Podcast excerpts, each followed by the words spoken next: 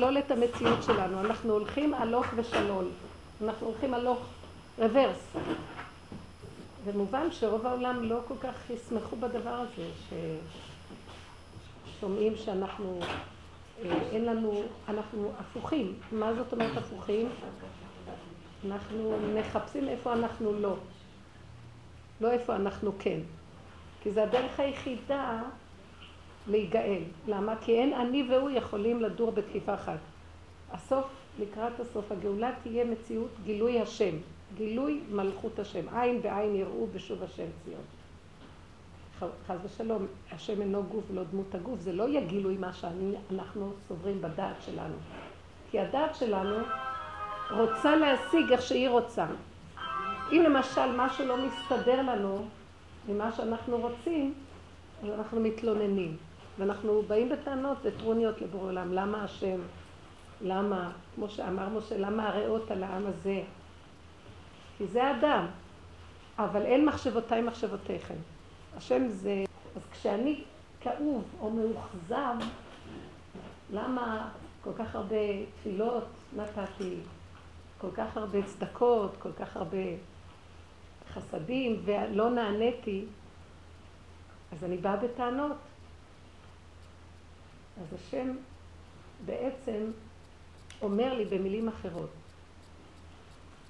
אם את תמשיכי להשתמש באותו שכל שלך ותחשבי שכמו שאת חושבת ככה אני צריך לסדר לך את הישועה, אז את תפסידי אותי. כי בוא נגיד שבעולם כן היו תקופות כאלה שהשם פרגן לדעת ונתן דבר מול דבר, ישועות מול דעת ועשיות שונות וחסדים.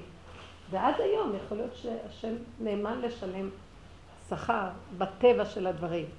אבל מי שחפץ ביסוד הגאולה וגילוי השם בכבודו ועצמו, זאת אומרת עצמות יותר גדולה של גילוי השם, ולא רק הספיחים או איזה הערה ממנו, אז יצטרך לדעת שהוא חייב להבין שהוא מחבל בגילוי האלוקי. מי זה הוא? אני לא יודעת להגיד מי זה, מה זה הגוף שלי? לא, זה הדעת שלי. האדם זה הדעת שלו. מה שהוא סובר וחושב, כפי שהוא חושב, ככה זה הוא, נכון? זה לא הגוף שלו. יש לו, הוא אומר, אני אכלתי. אז יש לו איזה אני שאוכל, יש לו איזה אני שעושה. השפה גם מזיזה אותנו, להבין שאנחנו מורכבים. אה, אז מה שנצטרך לקראת הסוף לעשות זה להכיר מי זה אותו כוח שמפריע. השם אומר, כל עוד תמשיכו בכיוון הזה, אני לא יכול להתגלות. זה לא שאני לא מתגלה, אני מתגלה, אבל אתם לא רואים, אתם רוצים את זה שאתם חושבים. אתם רוצים לראות אותי איך שאתם.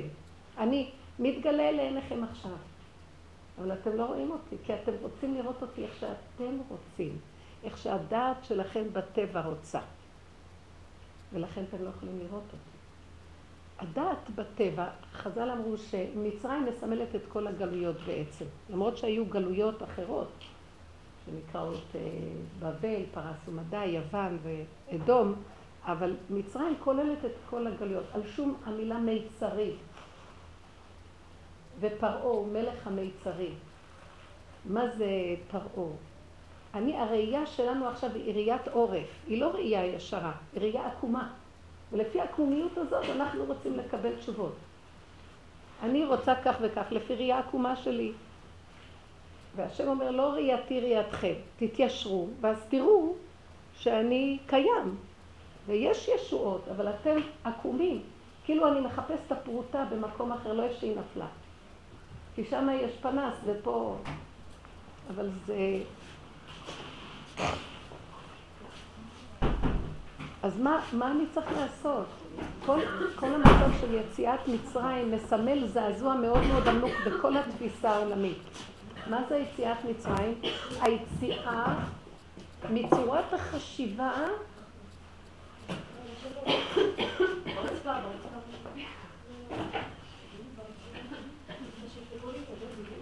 Thank you.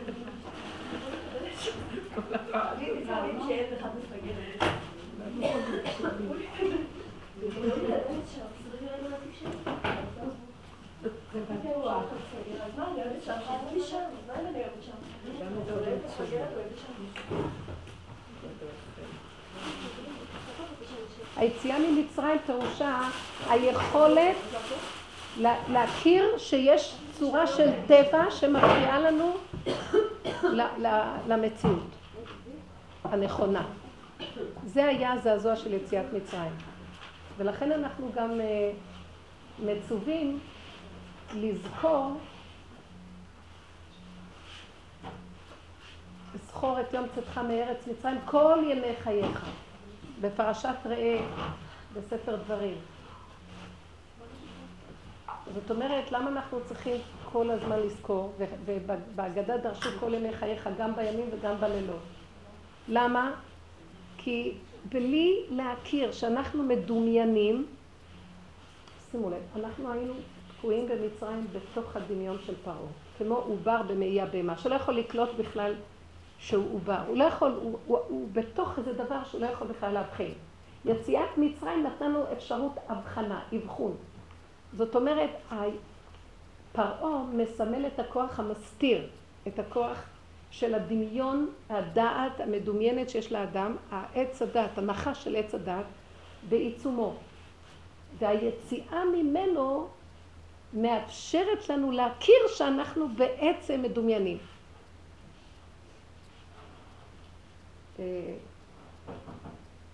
אז מישהו מהילדים שלי אמר לי, אה, אמא, מישהי בטלפון רוצה אותך.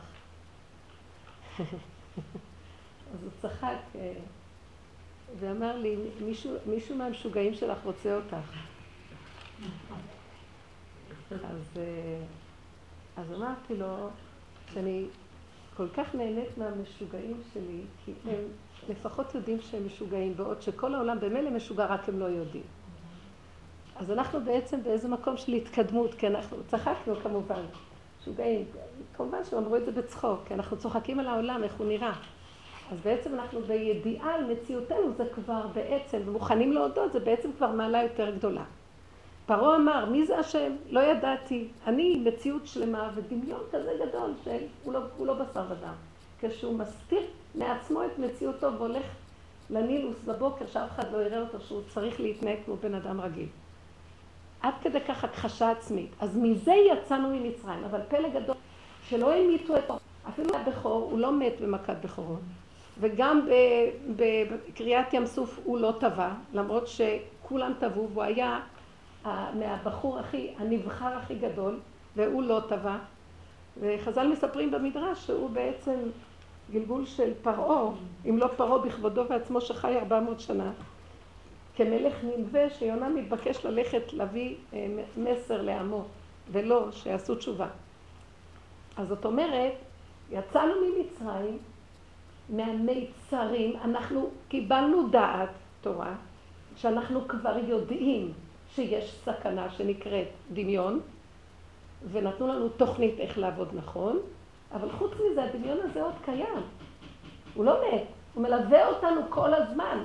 רק עכשיו יציאת מצרים מסמלת שיש לנו את הכוח לעבוד עליו, להכיר אותו, מה שקודם לא היה, וזו מעלה מאוד גדולה, אבל הוא קיים כל הזמן. אז התורה אמורה להחליש, היא לא מפרקת אותו לגמרי, היא לוקחת את מציאותו ומצמצמת, ונותנת כלים וגדרים, אבל הוא עדיין קיים. אם אנחנו לא חיים את הסכנה, אנחנו בתוך התורה יכולים להתרחב איתו גם כן. והגאולה תהיה, לקראת הסוף, זה ההכאה המוחלטת של אותו אה, יסוד, שזה המחיית עמלק. זה עמלק שהוא לגמרי חי במציאות דמיונית עצמית שאין עוד מלבדו, ומי יכול בכלל, יכול לו. אז זה, המצווה לזכור את יציאת מצרים היא כל ימי חייך. זה יסוד מוסד לכל יסוד יהדותנו. כי בלי זה בכלל אנחנו לא יכולים לעשות שום עבודה.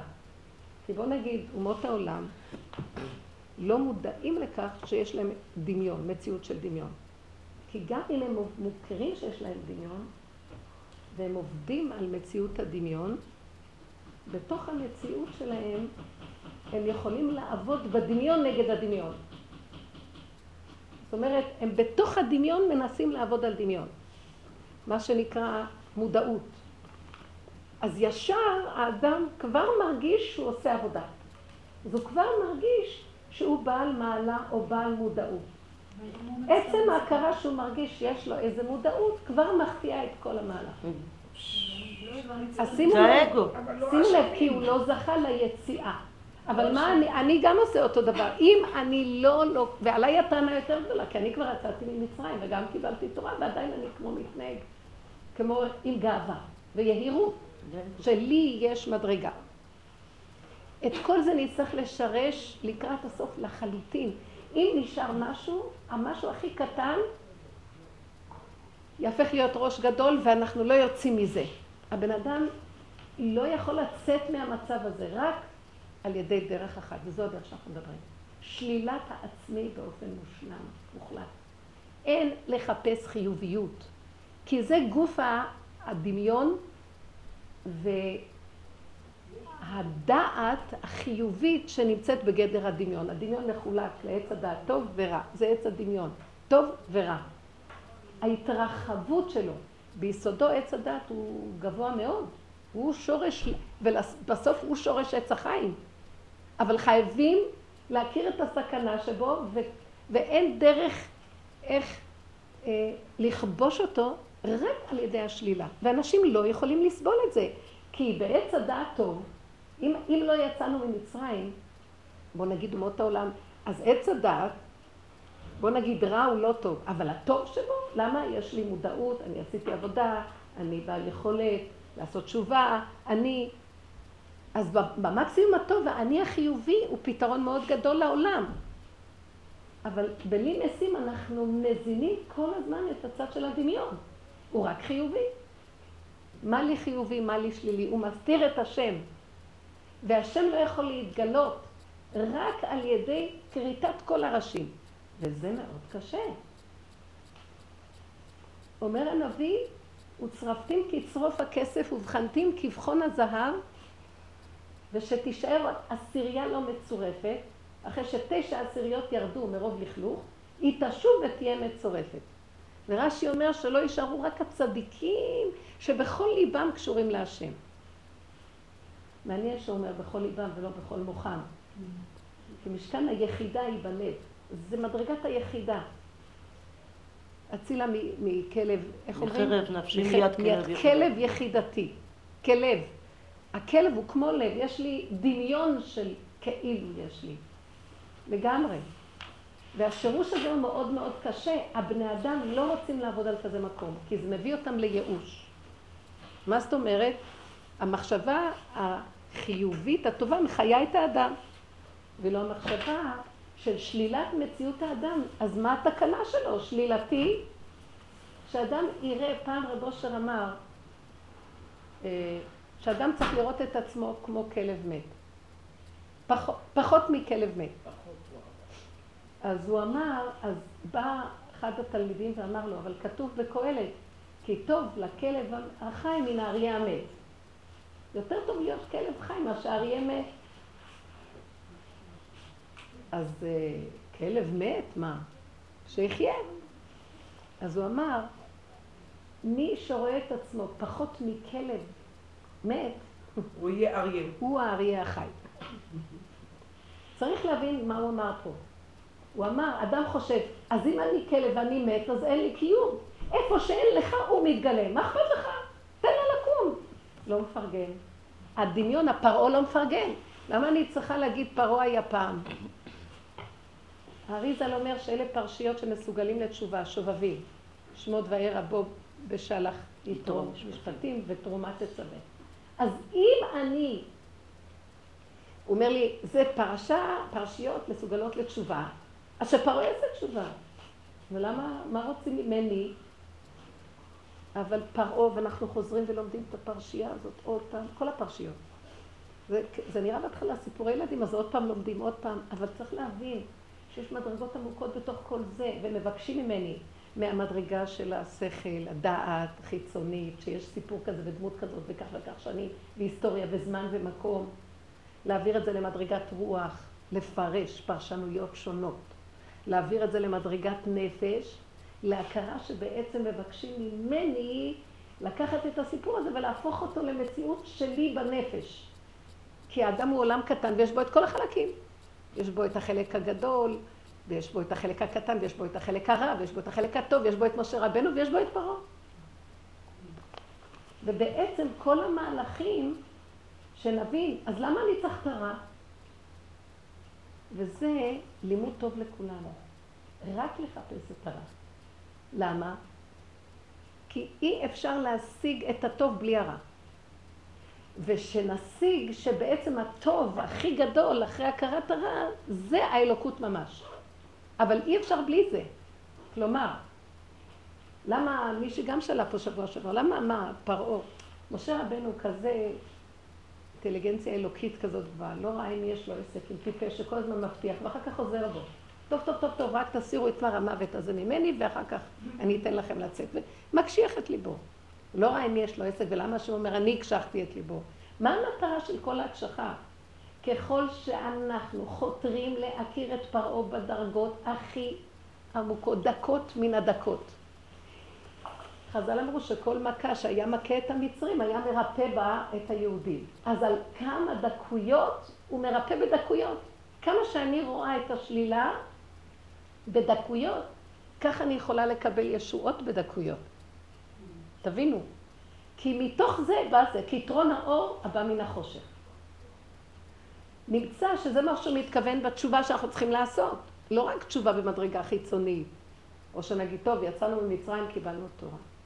מעכשיו, שיצאנו ממצרים ועד הגאולה האחרונה, יש לנו המון עבודה במדרגות אחר מדרגות אחר מדרגות אחר מדרגות, עד המדרגה שלא נשאר כלום. אני ופרעה אותו דבר. כי כשאני מזהה את זה, ואני לא נשבר מזה, כי האני שלי לא סובל את זה, אבל אני באיזשהו מקום מגיע למקום שגם אני לומד שהאני הזה שלא סובל הוא מפריע לי. ואני גם על זה נותן איזה נקודת עבודה ברחמי שמיים. במקום הזה מגיע אור, מתגלה אור אינסוף, ממש אור אלוקי מאוד גדול וגואל. נמצא שדווקא דרך התשובה ודרך ההפוך, לשוב אחורה, לא ההתקדמות של הדעת הטובה, עץ הדעת טוב והחיוביות, היא בעצם הגאולה, הסיכוי של הגאולה שלנו, והבני אדם מאוד קשה להם בנקודה הזאת. מאוד קשה לנו לראות את השלילה של עצמנו. מאוד קשה לנו לעשות, בוא נגיד ככה, מאוד קשה לנו לעשות תשובה, ושנבין שהתשובה היא מדרגה הרבה יותר עמוקה ממה שאנחנו סוברים. יש לנו את התשובה שאנחנו צריכים לעשות על, על עבירות חס ושלום שעוברים. אבל גם על עבירות שעוברים, אם אנחנו באמת לא רוצים לעשות עבירה, אנחנו צריכים עוד להכיר אותה בעודה באיבה בדרגה כל כך עמוקה ביסודה ולשרש אותה, שזה היסוד שאחר כך לא יהיה גם עבירה בגוף. אבל אם אנחנו ממשיכים לעשות עבירה וחוזרים וחוזרים, כי אנחנו לא נוגעים בשורש הדבר, אז uh, התשובה שלנו לא מתקרקעת בנקודה נכונה. וככה אנחנו חיים. מיציאת מצרים עד היום, אנחנו כאילו ככלב ששב על קיאו, כל הזמן. חוזרים ומתגלגלים. הגאולה יכלה להיות מזמן כבר, אמרו. היו כבר כמה זמנים לגאולה. ואנחנו, יבוא השלב האחרון של הגאולה, וגם לא יודעת אם נהיה מוכנים. כי צריכה הכנה, צריכה להיות הכנה. ההכנה הכי גדולה זה עבודת התשובה. מהי עבודת התשובה? היא לא לעשות תשובה על מנת שאני אהיה בסדר עכשיו. היא לעשות תשובה להכיר כמה אני אף פעם לא יכול להיות בסדר. זה בעצם לפרק את הדעת שמחפשת להיות מציאות ובסדר. כי הדעת רוצה חיוביות, היא רוצה גדלות. רוצה יכולת, והיא תן כאלוקים. היא מדמה, היא שואפת, היא מתרחבת. היא רוצה להגיע למדרגה. ואילו אנחנו בתשובה האמיתית צריכים לפרק את הכל לדעת, שאף פעם אני לא יכול להגיע לשום מדרגה, ואם לא עשיתי יותר גרוע ממה שאני עכשיו, זה נס. ככה היינו צריכים להסתכל על החיים. ומאוד קשה לבן אדם לקבל את הנקודה הזאת. אבל אם אני מתאמן שזה המקום הכי נכון, אני מתחיל לחיות כמו גאולה. כי קודם כל אני נגאל מהאיום המתמיד של הדעת שכל כך רוצה להיות מושלם. והוא מאוים כל הזמן, איך להיות מושלם. ואיך אם רק מישהו יגיד לו משהו לשיטתו, איפה שהוא דירג את עצמו, אז זה הורג אותו, הוא לא יכול לישון בלילה, לא יכול לעשות כלום. כל הזמן כאוב. הכאב הזה בא מהדעת, מוסיף דעת, מוסיף מחר. אבל באמת, באמת, כשאנחנו הולכים אחורה, אחורה, אחורה, עד שרואים שאין לנו מציאות, זה הבן חורין האמיתי. ושם מתגלית האמונה שהשם יעשה מה שהוא רוצה. אני הכלי שלו. ואם יבואו אליי, לפעמים אפשר להתהלך ברחוב ולהגיד, אדם חי במציאות שאין לו שום דבר חיובי, לא טיפת רחמנות, לא טיפת חסד, לא טיפת אהבה. ככה הוא בודק את עצמו. ואיך זה שהוא בכלל עוד חי ולא טרף את העולם, ואחרי ככל הכל שהוא מתבונן ככה בעצמו, הוא גם לא מצטער בכלל. כי בכלל, ככה שברא אותו. ועכשיו זה הסיבה שרב העליליה וגדול העצה והתושייה ישכון בתוכו וינהל אותו. כי כל עוד אני עוד יכול משהו, אז זה מתעכב. האם אתן קולטות? כן. עד היכן צריכה להגיע תשובה. וזה קל לדבר, אבל זה מאוד קשה להשיג, בייחוד שאנחנו כולנו... הפרעה חי אצלנו, הוא אמנם מסתתר, כאילו הוא עשה תשובות שונות, אבל עוד לא מיגרנו אותו לחלוטין. כי אנחנו חושבים שזה השני הפרעה. לא חושבים שזה מציאות שלנו. זה יכול למנוע מאיתנו לעשות טוב. כן. לא אה, תראו, זה באמת יכול להפיל אותנו מלהיות איך שהעולם היום נראה. חסדים, צדקות, כולם רצים ועושים, אבל אין גאולה. אולי נפסיק ותתגלה הגאולה, ואז השם יהיה זה שמשפיע את הטוב בעולם. זאת אומרת, אני רוצה להגיד לכם משהו. אני יכולה ללכת מבוקר עד ערב ולראות כמה שאין לי חסד, ואין לי רחמנות, ואין לי אהבה, ואני רק, רק מחשבות ליבו רק רע כל היום. ואני כל הזמן, בגלל המצב הזה, חייבת להיות קשורה עם השם, שאני לא באמת אממש את זה, כי אני רק רואה את מציאותי. ואז זה שאני צועקת להשם, שאני כל כך לא, רק אתה יכול, אז תתגלה, בלי שאני יודעת, ובלי שמלווה אותי שום הכרה, כל היום דרכי זורמים עשיות וחסדים ודיבורים ועניינים, ואני לא אפילו לא יודעת. והתחושה שנשארת לי, כלום לא עשית היום. אני אפילו לא צריכה לעבוד על הגאווה, כי אני, בק... לא אני מדברת על אני עצמי, כי אדם נמצא בכזה שפלות של אין לו כלום. והשם מנצל את השפלות שלו להיכנס, ודרכו נעשים דברים בלי שיהיה שום גניבה. זה הציור כמובן שאנחנו רוצים להגיע אליו. אז למה לא? למה לי להכיר שזה אני? במקסימום האפשרי זה מחיה את האני שלי זמנית ונותן לי איזו תחושה שאני עושה משהו בעולם, אז אני לא בייאוש. אבל אם הייתי בעל רמה אמיתית, אם הייתי מפעיל את המוישה רבנו שנמצא אצלי, הייתי אומרת לעצמי, מזה את חיה? תעבדי על הייאוש. הייאוש זה גם גאווה הכי גדולה שבעולם. מה את מתייאשת? כי מה את רוצה להיות במקום הבורא? וייתן כאלוקים? תני להשם להיכנס בעולם. תני להשם הכוונה, איך שאת קבלי את עצמך, איך שאת, ותגידי לו תודה. תודה, אתה חי וקיים. ותגידי, כל פעם שבאה איזו מחשבה של ייאוש, שב בשקט, אתה השטן שיושב לי במוח ומנסה להכשיל אותי ולהפיל אותי. אם הבן אדם חי ככה כל הזמן בהכרה עצמית, וכל העיניים מופנות פנימה, הוא שב בתשובה עם עצמו, לוקח את המחשבה ומשיב אותה, לוקח את ההרגשה ומשיב אותה, לוקח את התחושה ומשיב אותה, לוקח את המעשה ומשיב אותו, הוא חי בתשובה תמידית וממליך את השם כי הוא מדבר אליו. מה זה השם? אני לא יודעת, אני מדברת, מחזירה אליו. בהכרה מה שאני יודעת שזה אני. גמרנו, הבן אדם הופך להיות כלי של הכרת הבורא. מה את חושבת? שהשם לא יסובב דרכו סיבות של חסד ועשייה, אבל זה בהסתרה. כמו שהשם תמיר ונעלם בעולמו ואף אחד לא רואה אותו, כך הוא רוצה שגם האני שלי יהיה תמיר ונעלם, ואף אחד לא יחזיק שום מציאות. והשם דרכו עושה. העולם מתקיים גם אחרי שנהיה ולפני שנהיה, שהיינו. אז מה כל כך הדאגה לעולם? זה, התורה באמת רוצה מאיתנו במקום של האני השלילי, של עץ הדעת רע, לבחור בטוב. סור מרע ועשה טוב. זה בכל הדורות. אנחנו באמת הבאנו את עצמנו במיון הדברים, והמשניות שממיינות והתורה, בין טמא לטהור, ומותר ואסור, ופטור, וחייב, וכשר ופסול, וכל הדברים, אז באמת אנחנו צריכים לברר בדעת, כל עוד יש דעת, צריכים את הטוב מן הרע. אבל הצעדים של לקראת הגאולה, שבזה אנחנו עסוקים בשיעור הזה, זה להוריד לגמרי את המציאות הזאת, עד שלא יישאר כלום. אז איך אני אקיים מצוות? השם דרכי מזכה לי. איך השם מזכה לאדם, איך הוא שומר עליו, איך הוא מחיה אותו. איך הוא מראה לו שהוא חי וקיים?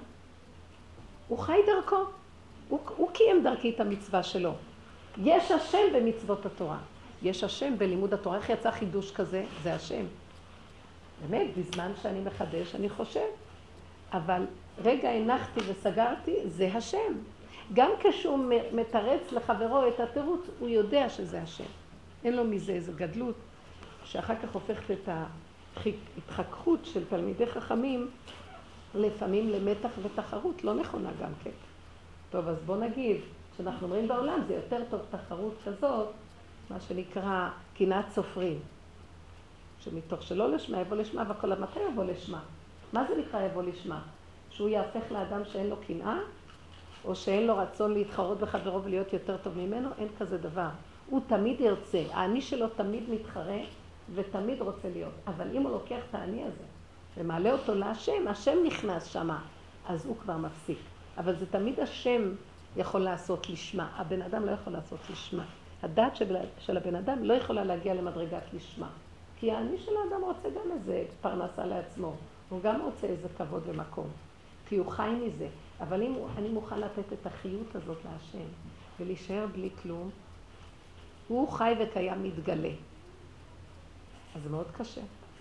רב אושר היה אומר, כשמגיע לו שעה של צער, הוא עובד בנקודה ויש לו אגו, הוא לא רוצה לוותר, אבל הוא עומד ומתאפק ואומר ככה, איך אני אגלה אותו?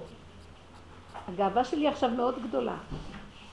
אז הוא היה אומר, כמו שאני בעל כורחי, עכשיו יש לי גאווה, אני בעל כורחי חי בעולם הזה, בעל כורחי יש לי את כל המציאות הזאת, כך אתה גם כן בעל כורחך פה.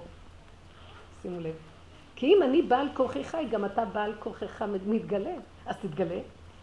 הוא לא היה מנצל, אה? לא את לא רוצה לראות שהוא מתגלה. אנחנו, זה מה שהתחלתי את השיעור. הוא רוצה להתגלות, אנחנו רוצים אותו עם העיניים של הדת. לעולם לא תהיה כאן גאולה עם העיניים של הדת, כי אנחנו רוצים אותו איך שאנחנו סוברים, איך שהוא צריך להתגלות. לא איך שהוא באמת. זאת אומרת, עד שלא נגיע למקום שאיך שזה הכל ככה, זה מושלם, בלי לרצות כלום. וזה קשה מאוד, כי אנחנו רוצים ככה ולא ככה. זה מאוד קשה. אז אני צריך לריב עם הרצון שלי שרוצה ולהעביר אותו להשם. בטל רצונך לפני רצונו. ועד שאני לא מגיעה למקום, טוב, ביטלתי את הרצון, נשאר לי. אם אני אקח שקית זבל או אני אקח את החברותות, זה יהיה אצלי אותו דבר. זה נשמע דבר נורא, זה קדוש וזה זבל. אז זה בא לי מהדעת שזה יותר מזה. אם אין דעת, אין כלום. הכל השתוות הצורה. הוא יתגלה, יתברך בכל דבר. מה? הנה עם הזבל. מישהי תיתן איזה משהו. במהלך של המחשבה קשה לי בדיוק לזכור איזה דוגמה. מי שיש לה משהו מהחיים שאיזה... כן. נו, תגידי. כן. הילדים שלי היו עכשיו שבועיים חולים בשבת וגם בעלי. בדיוק אני קיבלתי איזו עבודה מאוד חשובה. קיבלת עבודה טובה? כן. ולא יכולה לעשות כלום כי אני חושבת את זה כל הזמן. במוצאי שבת אני ישבתי עם עצמי והרגשתי כמה אני לי אהבה, התמעטתי מאוד באהבה ובמסירות כל השבועיים האלה, ובעצם אני מתפוצצת. ובעצם אני, לא אכפת לי אם הם בריאים חולים, רק שיעזבו אותי, וייתנו לי את הזמן שלי, כי אני רוצה לעשות את זה. ואם אני מדברת עם השם, זה קח אותה ממני, כדי שאני אוכל לעשות מה שאני רוצה. כן. תתגלה באופן שאני סידרתי לך, באופן שאני עכשיו תרפא לי אותם, כי אני עסוקה. והיה לי מאוד קשה לראות את זה, שממש לא אכפת לי מה... היה לך קשה לראות שלא אכפת לך? כן, זה היה הדבר. אז אפשר להגיד שיש לך, הגעת 70 אחוז, איפה ה-30 אחוז? זה, זה ה-30 אחוז. אני מתהלכת עם הכאב הזה של האגו, שאני חושבת שאני אימא טובה, ואני לא אוהבת אותם. ואני מחפשת איך הם ילכו רק...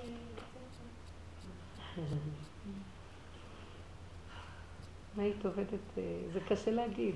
זאת אומרת, יש מה שנקרא כאן גוף ויש מה שנקרא נפש. יכול להיות שבגוף אין מישהו אחר שיכול למלא את המקום הזה. לא, בוא נגיד, אז את חייבת להישאר, אבל בנפש הדבר, למה שלא תהיי כל הזמן עם השם? מה זה להיות עם השם? עם האמת שלך. מה זה האמת שלך? הפרעה שלך, בפגם. מה זה להיות עם השם? פרעה זה החושך, והשם מסתתר בתוך החושך. אז אני חייבת להיכנס לחושך. אז זה מאיים עליי, ולהגיד, לא אכפת לי מהם. באמת, בכאבים לי, אכפת לי ברמה מסוימת, אבל כרגע יותר, אני מודדת, אבל יותר אכפת לי להשיג את מה שאני רוצה. כי זה האדם, הדעת שלו מסווגת לו ורוצה את זה יותר מזה. ואם לא היה התפקיד הזה עכשיו, אז הייתי בורחת ועושה משהו אחר. אז uh, את כאובה, למה את בחרת את העבודה עליהם? למה בנפש את נמצאת במקום שאת מבקרת את העבודה, מבקרת, רוצה יותר, בוחרת בעבודה לא, יותר לא, מהם. לא, לא שאמרתי, לא זה הכאב שלי. ההתמודדות שלי עם האמת. זה אותו דבר. בזה שאת רואה שיש לך כאבים, למה את לא אוהבת אותה ממש, לפחות כמו שאת רוצה את העבודה. כשנגיע למקום שלא יהיה למה, וכן, הילדים והעבודה זה אותו דבר, או שאפילו כאן זה יותר... אני אגיע למקום שלא תהיה לי טענה על עצמי, כי בטבע תמיד יהיה לי זה לעומת זה. וברור שלפי הערך של האנוש או עבודת התורה, זה יותר טוב מזה. אבל זה בגוף של הדברים. עובדה שלא עזבת את הילדים. בנפש אני צריך לחפש דווקא את החלק של פרעה. שאני לא, אין לי אהבה, ואני מעדיפה את הסיפוק שלי שאני מקבלת מעבודה, מה שלהגיש ולסדר אותם. זו האמת שלי, ואת זה אני מעלה להשם. אם אני מעלה את הפרעה הזה להשם, זה גופה מתגלה אור אלוקי. זאת אומרת, אבל בלי צער. זאת המטרה בעצם. המטרה היא לגלות את השלילה, את הפגם שלי, ולהמליך עליו את השם, להגיד לו, אבל כך בראת אותי. פרעה, מה, מה מסמל פרעה? פגם שמדומיין שהוא מושלם. מה אני צריכה לעשות התיקון? מה זה לעשות תשובה? להכיר את הפגם ולהודות על האמת, מודה ועוזב ירוחם. להודות שאני ככה, ולמה שאני לא אהיה ככה?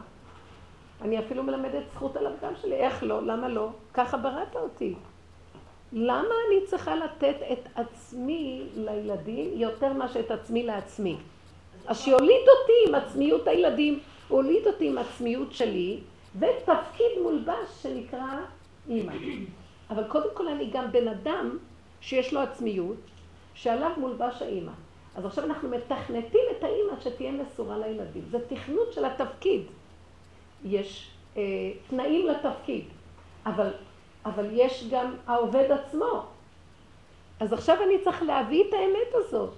ולמה שיבואו אליי בטענות איזה מין אימא? תראה, העובדה שלא עזבתי אותם, אני כן עושה, אבל בנפש שלי אני רוצה גם כן להיות ילד עצמי, עצמיות פרטית. העצמיות הפרטית הזאת, זה פרעה שלא התוודה על חטאו להשם. הוא לא הכיר את זה ומרד.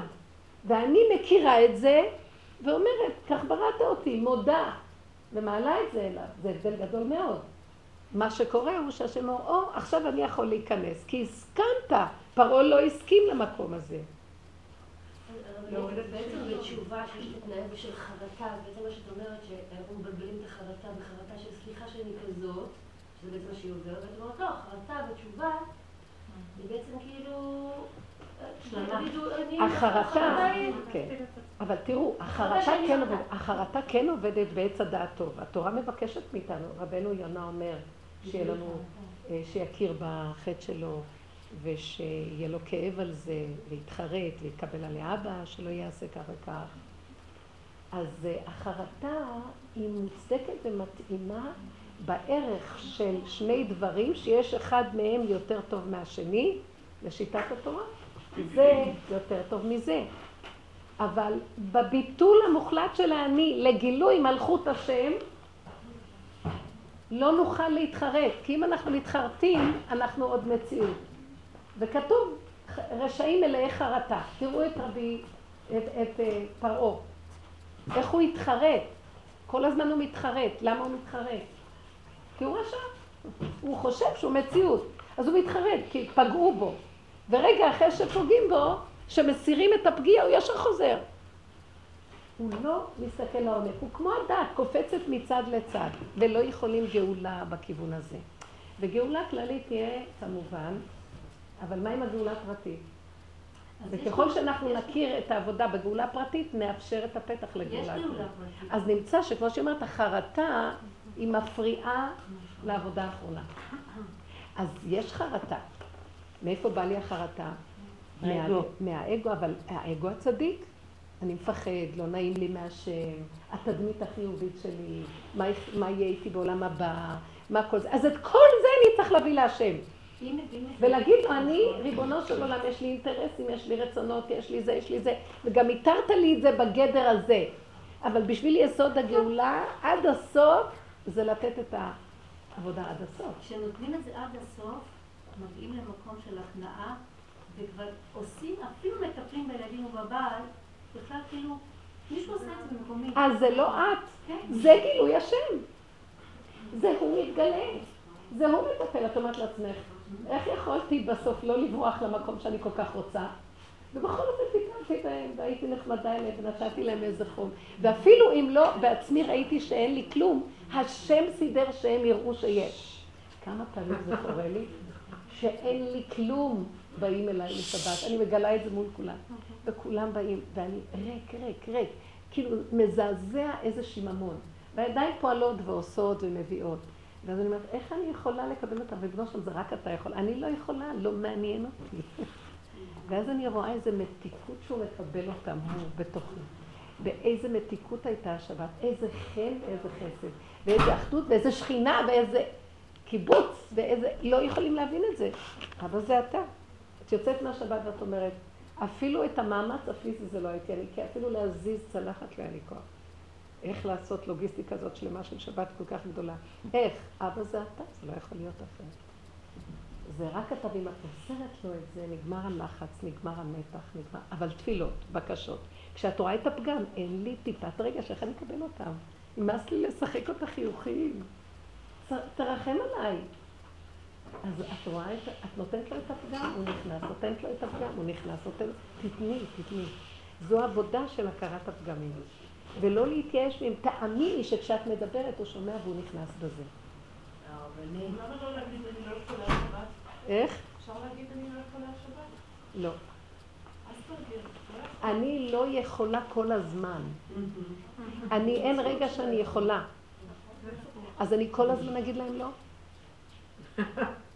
אני, את מבינה מה קורה פה? אז אני אומרת לו, אבא, לא לתוהו בראת, לשבת יצרת. אם בראת את העולם ליישוב, ושיהיה משפחתיות, נישואים, משפחתיות, ילדים, אז תרחם. אני לא, אז חי וקיים, תתגלה. אני לא יודעת, לפי סיבות. לפעמים הוא רוצה שתגידי לו, זה תהליכים. אם אדם הוא כל כך כן, כן, כן, כן, והוא כל כך ישות, אז שילך על ההפוך. ואחרי זה מתאזנים. זה מהלכים, זה מהלכים בתוך מהלכים, אבל אנחנו כל הזמן באופן תמידי חייבים לעבוד בנקודה הזאת. עכשיו, בשבת בבוקר, ובעלי אומר לי, תכיני לי לשתות. ידעתי שאני לא יכולה. אני לא, הרגשתי שאני לא יכולה, אבל אני לא רוצה. רציתי ללכת למהלך שאני אומרת לו, לא רוצה, לא יכולה. אמרתי, תהיי אסטרית, תהיי נאמנה לעצמך. ו- ו- ולא הצלחתי, ולא הצלחתי, ואז הלכתי להכין, ואמר- ותוך כדי זה שאני מכינה, אני אומרת לו, פעם אחת אולי אתה תושיב אותי ותגיד לי, אביטל, שבי, אני אכין לך לשתות. חוגרת, סתמי את הפה. או שתכיני או שלא תכיני. אז מה, מה יצא? אז הוא אומר לי, את עשי טובה, אל תכיני, ואל תעשי לי כאילו. צודק. כי את עשית. לא לא יכולתי, טבע. ממש. הכל בטבע. לא יכולה, לא יכולה. בסדר, אין דבר. ככה אני. לא עכשיו קחי את זה. לא רוצה לתת לאף אחד. אז אל בבוקר תקני. בשבת לא רוצה כלום, רק עם עצמי. קורה. אם תלכי עם זה עד הסוף בנפש, שימי לב, אני לא יעצתי לה לקום לעזוב את הילדים וללכת לעשות את מה שהיא רוצה. אבל כשהיא עשתה, צריך כל הזמן להיות מלווה שהיא לא סובלת ולא יכולה, ואין לה סבלנות, ואבא רק אליך, ואם אתה תרחם עליה שלא יתגלה. כי מה אתה רוצה ממני? ואני בוכה לו, איך אפשר לטפל באנשים בלי טיפה של רצון וחן? אז כמה אתה יכול, כמה השממה הזאת עוד תימשך, תתגלה בתוך השממה. הלוא השבת היא גילוי השממה. ימים יוצרו ולא אחד בהם זה יום השבת. וכתוב שבשבת שולט שבתאי, כי אין לו שום דבר מצד עצמו, זה המזל ששובת, במדבריות הוא שולט. אז שבת אין הפרעה להשם להתגלות, אף אחד לא מתנגד לו. אז בוא נגיד שיש שממה. אז בשבת אנחנו יכולים מאוד מאוד להרגיש את השממה. אז מה הועילו, איזה מין שבת שמרגישים שממה? לא סתם אני אומרת, כי חייבים לעבור את המהלך הזה של הכרת השממה. כי כשמתחילים להוריד את הדעת, שהיא הסיפוקים והדעות והגדלויות וכל המצבים האלה, את לאט לאט מתחילה לראות שמתחתך שוכן שממה, אין כלום. זה הכל הדעת מסדרת לך עולם של סיפוקים והגדרות ומדרגות, וזה עושה זה מעניין, עולם היחסי. זה מאוד מעניין, עץ הדעת טוב ורע, זה עושה יחסיות, זה מאוד מעניין. אבל זה מעניין להקדוש ברוך הוא. אנחנו כל כך התרחבנו ביחסיות שאנחנו רק מקלקלים והורסים. אנחנו לא באיזה איזון עם עולם היחסיות. התורה רוצה מאוד לאזן אותנו, אבל אנחנו גם בעולם התורה התרחבנו בצורה חולנית. אז כבר, את לא רואה, כאילו, אנחנו כבר עושים דברים ש... תבינו, בואו ניקח את היסוד של הנישואים. הנישואים זה המתנה הכי גדולה בעולם היחסיות, שהשם ברא את העולם. אז יש שתיים, דואליות, יש בורא ויש עולם. ואותו דבר, העולם נוצר משתי אפשרויות, זכר ונקבה, היסוד של טוב ורע. וככה ההשתלשלות של העולם. אבל הכל צריך להיות בגדרים וכללים, ואם לא, אז זה הופך להיות בלתי נסבל הזוגיות. אם לא חיים את הסכנה ואת היסוד שהשם ברא את זה וזה רצונו, וכל פעולה שאני עושה שהיא סותרת את השני כי זה עולם היחסי, היא גוף המביאה לקדוש ברוך הוא נחת, כי השם הוא בעולם המוחלט. הוא אחד ומיוחד בתוך מציאותו. ואני עושה לו שעשוע שאני שונה, ויש עוד שינוי ויש עוד דבר. אז זה רצונו יתברך, אבל אם אני כל כך לקחתי את עצמי ברצינות, עד שכבר השני יותר מדי שונה ממני, ואני כבר, אז הופך להיות יותר מדי אני, שחי עם מרפקים בתוך עולם היחסיות. אז זה כבר לא שעשוע, כי אנחנו כבר מדי גנבנו את זה. השם כבר אין לו שעשוע כי אנחנו עושים דברים שליליים. לא יכולים לסבול אחד את השני, או ששוברים את הבתים, או ששוברים את האנשים, או ששוברים את המצבים. אז איבדנו את המתנה שנקראת יחסיות. אז אם כן, בואו נחזיר את השם לתוך עולמו. הבנתם מה אני מדברת? אז יש לי שאלה. אז ברגע שאני... אני עשיתי עבודה, אני חזרתי, הלכתי לבית הכנסת, לקראת התורה, ישבתי שם, אתה רואה שאני לא מסוגלת ללכת לסדר את הסלט עם השולחן, אני לא מסוגלת לסדר שולחן, לא מסוגלת כלום, לא יכולה, לא יכולה.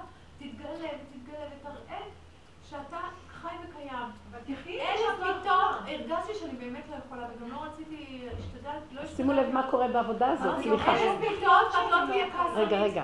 היא נכנסה למהלך ההתבוננות בנפש, והנפש עכשיו עולה על חשבון התפקודיות שהייתה קודם. קודם גוף מתפקד, גוף, גוף, גוף. עם שכל אני צדיקה ועושה. אני אישה טובה, אני צדיקה. באמת אני אגיד לכם, צריך, רגע, צריך להיזהר באיזשהו מקום. כי גוף הדבר הוא חשוב, כדי שלא נחריב. אבל חשוב ההתבוננות הפנימית כל הזמן. וזה צריך להיות עבודה דקה בין השניים. כי גם אנחנו לא רוצים להביא את זה החוצה ולהגיד, אני לא רוצה לעשות, לא רוצה לעשות לך כוס קפה. ואפילו שלפעמים יוצאים מתוך עבודת הנפש, יוצאים מצבים. אבל באמת אנחנו שואפים בנפש להיות במקום הזה. המלאכת השם היא במדרגת נפש. כשבגוף נשאר לנו יסוד התורה. מה שהתורה מצווה לנו. ולאט לאט השניים מתאזנים וחוזרים לצמצום. גם יש לך כבוד לבעל, וגם את נאמנה ליסוד הנפש שלך. איך משיגים את שני הדברים?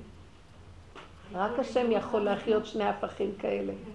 את מושכת אותו, העיגול והיושר, כל הזמן אנחנו מוש...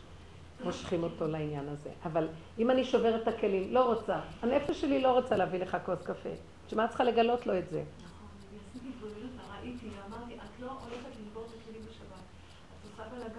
עבודת הנפש היא בפנים, היא בפנים. את תלכי ככה, תלכי ככה, ככה וככה. לא.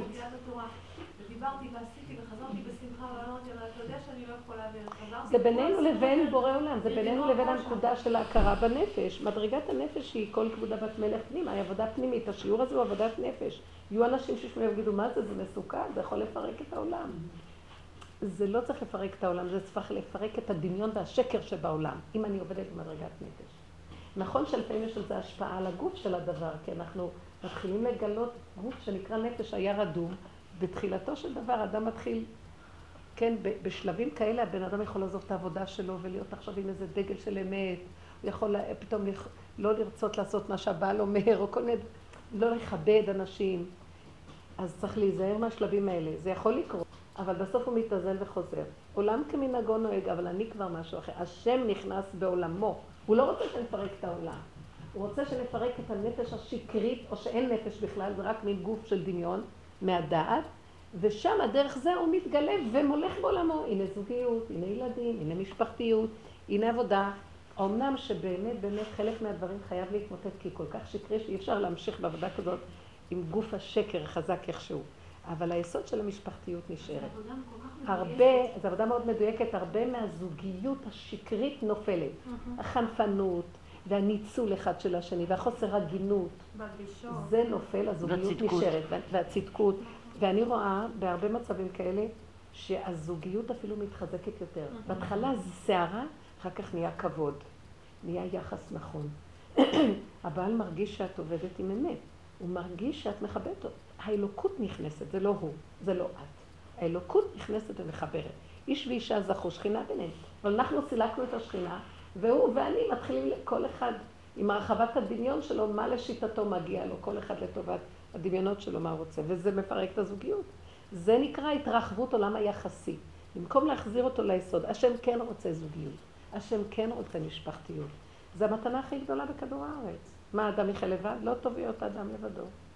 לא מצד שני, איך שזה נראה היום, הזוגיות, כל אחד רק לנצל לצורך עצמו, בלי משים זה הופך להיות ככה. זה גם כן הרס וחורבן. איזה צורה יש לזה? זה מייאש את האנשים. אדם מרגיש בודד. אבל אם אני חי עם הפגם שלי ואת הסכנה של ההתרחבות הדמיונית שלי, כל אחד עם עצמו, ואת אל תעשי חשבונות לבעל, מה הוא עשה עבודה. את תעשי עבודה, ולאט לאט במרחב הזה שאת מתחילה לצמצם, נכנס כוח אלוקי ומחבר, וזה אמת, וזה דווקא עובד. אין לאנשים סבלנות, הם מפחדים מהדרך הזאת שזה מחריב, אבל באמת, באמת, אם יש סבלנות לאט לאט ועושים עבודה, מתוך הבלגן כביכול שנוצר, כי אין דעת כביכול רגילה, מתחיל להתגלות אור אלוקי פשוט, עדין, אמיתי, פשוט פשוט וישר. בלי כל הסמנים החיצוניים שיש היום בעולם של המשפחתיות או הזוגיות או הכוחנות וכן הלאה וכן הלאה. כן, כן. אמרתי, היום אני לא אשאל, אבל אני אשאל. תשמעי. תלכו תמיד ככה, היום אני אשאל, היום אני אעשה יותר גרוע מפעם שעברה, תלכו על השלילה, לא על החיוב. לא, כי זכרתי שכל העולם ראה את מה שעשית פעם שעברה. אבל בכל אופן, תשמעי, אנחנו הלכנו לחברים, ודיברנו, זה מאוד נחמדים, זוג שאנחנו מדברים וזה, פעם ואין דבר, זה מוצ"ש והכל. ובסופו של כל הזה הביא לי הילד את העניין שלי. הוא סיפר, דיברנו, לא הוא סיפר על אה, הרב אה, זיכרונו לברכה מרדכי אליהו, זכר צדיק לברכה, והוא סיפר את הסיפור שאני לא יודעת, עלה למעלה, פגש שלושה, שלושה מלאכים, מדברים שהולך להיות משהו נורא ואיום עם עם ישראל, ואמר... שלושת המלאכים? שמה שלושה מלאכים אה, מדברים ביניהם שהולך להיות משהו מאוד חמור עם עם ישראל, ואמר,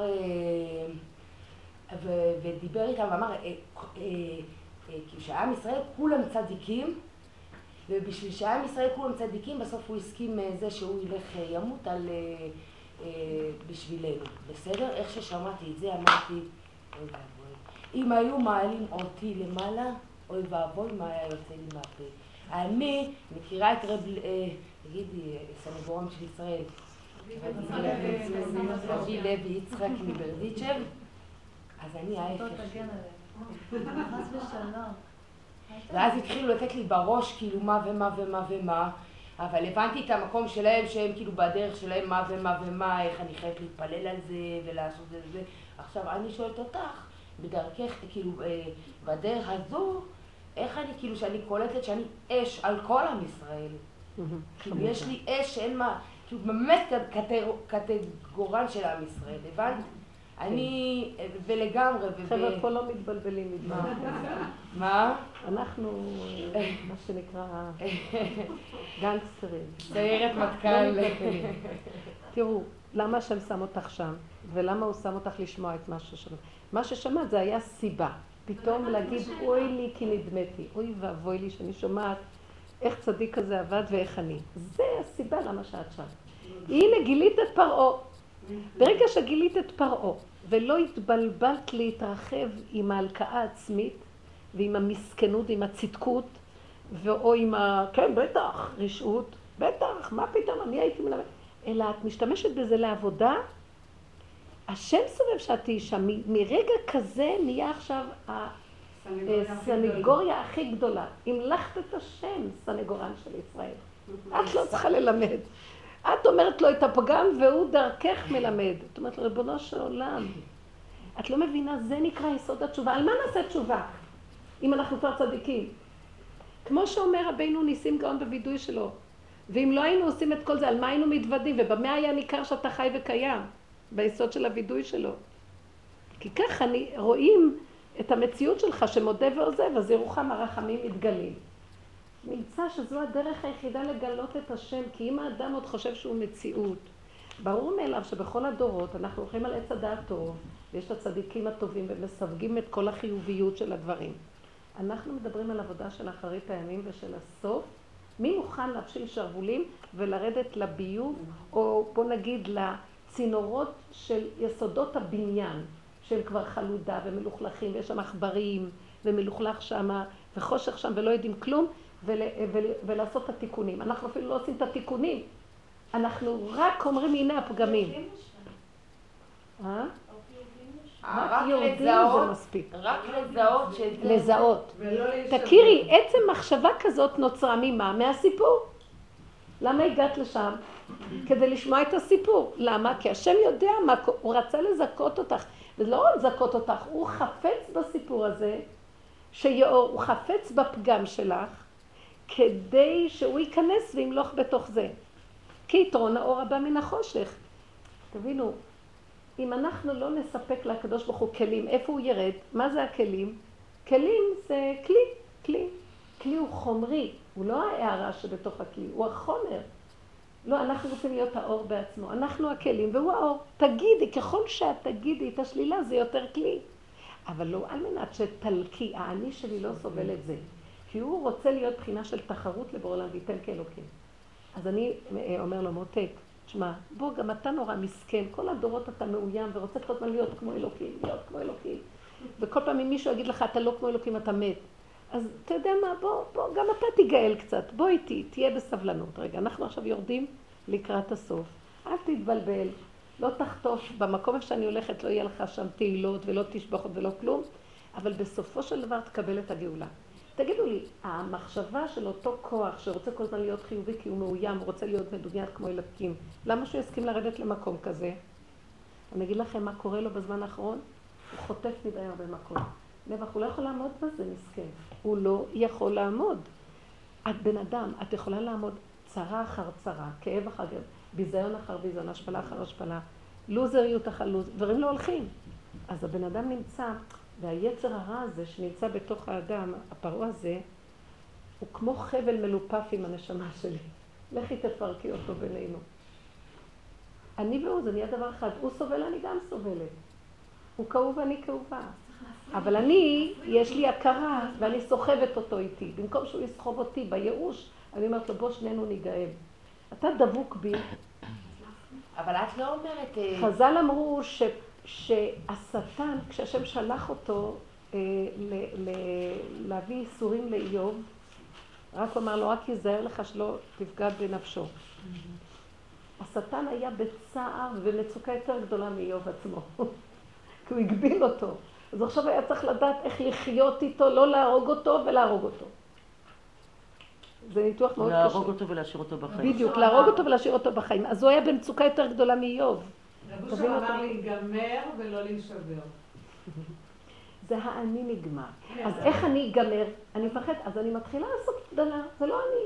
זה יסוד אלוקי, ההכרה האלוקית. צריכים למצוא כל מיני עצות בנפשנו. חוץ מזה, יש פגם ליסוד האדם. איך? כאילו, לא הצלחתי להבין, מחילה, כי אם... לפי ה... נגיד כמו שאת קוראת לזה, לפי הטבע, אז אומרים לך כל יום תתפללי חמש עשר דקות על אהבת ישראל. אבל זה לא מה שאת היית אומרת לי. לא. כל יום, את-. כל יום תעמדי ותגידי, ריבונו אני שלם, כזו. היום עוד יותר גרוע ראיתי. נכון. היום אני בסכנה יותר גדולה מאתמול. איך אמר רב סעדיה גאון? זה לא אני, זה... הוא התארח באיזה כפר, ונכנס לפונדק, בעל הפונדק לא זיהה אותו שהוא רבי סעדיה גאון. אז הוא נתן לו איזה מזרון ככה זרוק בפרוזדור. למחרת כל הכפר צובע על הפתח, כי הוא שמע שרב סעדיה גאון ריש גלות, ראש הגולה מגיע, הגיע. אז הוא אומר, מי זה, מי, למה, למי אתם באים? הוא אומר, יש כאן ראש הגולה, זה ששוכב במזרון. הוא תפס את הקרחת שלו ולא השאיר שם שערה. והתחיל לבכות, נפל לרגליו, ואמר לו, אם הייתי יודע שזה אתה אתמול, לא הייתי עושה לך ככה. אומר לו, ממך אני לומד שכל יום אני צריך לעשות תשובה. כי אם הייתי יודע אתמול מה שאני יודע היום, לא הייתי מתנהג אתמול מה שאני מתנהג היום. אז כל רגע ורגע אני לומד בעצם מכל דבר הזה. שימו לב איזה מדרגת תשובה. בעצם זה מטרת האדם, ולא להגיד, אוי, מהיום אני יותר מושלמת, מהיום אני מגיעה למדרגה. לא, כל יום תלמד על הפגם, נמצא שכל הזמן, כל הזמן אתה בתשובה, כל הזמן אתה מחפש את הפגמים. אבל הייאוש כאילו מתווסף לזה, בוא נלמד, לא לתת ל... מה זה הייאוש הזה? זה גדלות בפני עצמה, זה עוד איזה פגם, פגם הפגמים שמסתתר בתוך כל זה. מה העבודה שאני צריך לעשות על עצמי? שם של עבודת המידות? זה נקרא עבודת המידות. זה עבודת המידות בבסיס שלה, כי יש מה שנקרא עבודת המידות בדעת החיובית, יש בגוף הדבר אני צריך להתנהג לא לכעוס ולא להראות את השנאה. נגיד, אם בעלה עושה את הקפה, בפנים היא חושבת שאם הייתה חרב היה יותר טוב, אבל בחוץ היא הולכת ועושה את הקפה. עכשיו, בעבודת המידות, בדעת של עץ הדת טוב ורע, אז אני צריך לדאוג לעשות את הקפה ולחשוב שאני גם בכלל מוותרת ואני צדיקה ואני טובה ואני עושה. בעבודת האמת אני צריכה לגלות את השלילה. איך אני אעשה תשובה אם אני כבר טובה? בגוף הדבר הדעת אומרת, עשיתי תשובה, אני לא רוצה ואני הולכת לעשות ואני צדיקה. אבל לא המלכתי את השם, המלכתי את האני הטוב שלי על זה, כן? אבל כשאני רוצה להמליך את השם, הגאולה האחרונה זה הורדת האני לשך גדלות האדם והשם נשגב לבדו. אז אני צריכה להזמין אותו, איך אני אזמין אותו? אם אני כבר עשיתי תיקון המידות והכל. אז אני בחוץ עושה את התנועה הנכונה, אם אני יכול. בנפש, אני יודע שאני לא יכול, אני לא רוצה, ואני מבקש מהשם שיש לי מרדות. אז זה- שתי אפשרויות. שתי או אפשרויות. שאני כובשת את עצמי ואז אני אומרת זה אתה, או שאני לפני עצמי אני אומרת אין לי, לפנינו חיים ואז... גם כשאת כובשת את עצמך, תדעי שאת לא כובשת את עצמך. כי אם את נשארת בחיוביות שכבשתי את עצמי, שמה כבר שמת את הכתר על הראש של השטן. אם את אומרת, אני לא, ואם יצאה פעולה, זה אתה, רק אתה. זה עבודת התשובה הנכונה. בעץ הדעת טוב אנחנו ממליכים את העני. זה כל, הח... כל הדורות, אנחנו חיים ככה. שימו לב מה מתווסף לנו עכשיו. שאנחנו משתדלים לא להרפות מהחיצוניות של הדבר, אבל בנפש לעשות הפוך. להכיר את השלילה העצמית ולהמליך את השם. זו מדרגה יותר גבוהה. גם כלפי חוץ נשמרתי, וגם בפנים מסרתי להשם. ויגיעו מצבים שהשם אפילו לא ייתן לי לה- להישמר בחוץ. למה? כי אני עוד בסכנה שעשיתי שתי עבודות, גם בחוץ וגם בפנים, והמלכתי גם את השם. אז הוא מפיל אותי, שאני אני רואה שגם לעשות בחוץ ולא בפנים ולא כלום. זה גם חלק ממה שהוא מזכה לי אם אני לא נשברת. ועיקר העבודה נמצא שהעיקר הוא לא להישבר מכלום. זה המדרגה הכי גבוהה בתוך מסוד העבודה. לא התוצאות, לא להישבר. וזה היה הניסיון של דוד המלך, שהוא היה יכול באותו, הוא עשה להדיה דבר הכי נורא ואיום, שזה דבר שנכתב לדורות מול כלל ישראל, שהמלך בישראל מוכח על ידי הנביא, הנביא מוכיח אותו בדבר בת שבע. והוא עומד ליד כולם, ואומר חטאתי להשם. ועל זה אמרו, הוא הקים מולה של תשובה. הוא אמר נכון. הוא לא הצטדק? הוא לא הראה שהוא עשה איזה דבר טוב, הוא התכוון למשהו טוב. על מה אמרו? על זה התשובה? חטא בת שבע. על זה הוא הקים מולה של תשובה. הוא, עולה. הוא, הוא? כן, הוא. היה הבסיס של לימד אותנו איך עושים תשובה. אה? יהודה היה. יהודה הודה, אבל עליו אמרו, הוא הקים עולה של תשובה. יהודה הודה במציאות העצמית שלו, אבל דוד היה מלך ישראל. העול. כן, הוא, הוא עמד בריקם מול כולם. גם יהודה, כן, אבל עדיין הוא לא היה במלכות על עם. יהודי נקרא אחרי יהודה, אז התחילה יהודית, בעצם התחלה. זה ההתפתחות של זה. זאת אומרת, יהודה התחיל. ודוד המלך הראה לנו מה זה שיא היהודי. אין לו כלום מעצמו. הפוך, הוא, התפתח בכיוון ההפוך מה שאנחנו חושבים יהודי מתפתח. זה מדרגת יהודי. הרבנית, אפשר לשאול שאלה? מי זה? כן. כולם מרימים, והיא אמרה, שימו לב, איזה חוזק היה גם פה. מרימה, אבל לא ראו, לא ראו זהו, אותה. לא, כי הרמתי כל הזמן, ואז התייאשה. אמרתי, אני כבר פשוט אכנס, כי כן, אני רוצה הכי. טוב. סליחה. אה, מה בעניין התפילות? אם את אומרת שאני כאילו נותנת אה, לקדוש ברוך הוא אה, לנהל ולא להתערב, ו- אז אין מקום של להתחנן כאילו ככה בתפילה. תלוי על מה. צודקת, בסופו של דבר, אם אנחנו מגיעים, אבל אנחנו מדברים על אה, רעיון נשגב, כשה, כשהמציאות שלנו היא לא כזאת נשגבת, יש לנו עוד רצונות, ויש לנו עוד, אנחנו מוכנים להכיר שזהו אבל, יש לי גם רצונות אחרים שרוצים, ובתנאים כאלה וכאלה והכול. בסופו של דבר, לך דומיה תהילה, אין אומר ואין דברים, בלי נשמע קולם והכל אליך, הביטול המוחלט. אבל בדרך זה קשה. הנה, גם משה רבנו התחנן, כל כך הרבה תחנונים, כל כך הרבה אה, בקשות של בחינות כדי להיש, להיכנס לארץ ישראל. שייכנס במקום שמה אכפת לו, ככה השם רוצה, וזהו, מה אכפת לו? אבל הרשות נתונה. נכון. יש מקום לבחינות, מה? אבל כל העניין הזה של השכננות. נכון. אז יש מקום לבחינות, אז אני כאילו אה, מסדרת את המציאות לפי ההחלטה שלי. אז את, את מתבוננת, תראו איך יכולים לעשות את זה, לפי החלטה שלי. יש לך החלטה אחרת חוץ מההחלטה שלך? לא. אז זה בדיוק העניין, שאז אם ההחלטה שלי פה, אז זה לא ההחלטה שלו. אני לא יודע מי הוא, אני יודע מי אני. אני לא יודע מי אני. שימו לב, אל תלכו. אני לא יודע, אני יודע את הפגם שלי, את הרצון שלי, את הצורך שלי, את התאווה שלי ואת העניין שלי. ואת זה אני אמור, זה הכלי שלי להיות קשור אליו. אני לא יודע מה הוא. עכשיו, אני יודע מה הוא דרך התורה. התורה אומרת לי, זה כן לעשות, זה לא לעשות. אני גם לא יודע דרך התורה שזה הוא. אני יודע שזה רצונו. אני לא יודע. גם המצב הנוכחי זה רצונו. אז תגידי לו. יש את ה... בראת התורה, רגע, אני יכולה להגיד כזה דבר. בוא נגיד שאת מתחננת על איזה דבר, כן.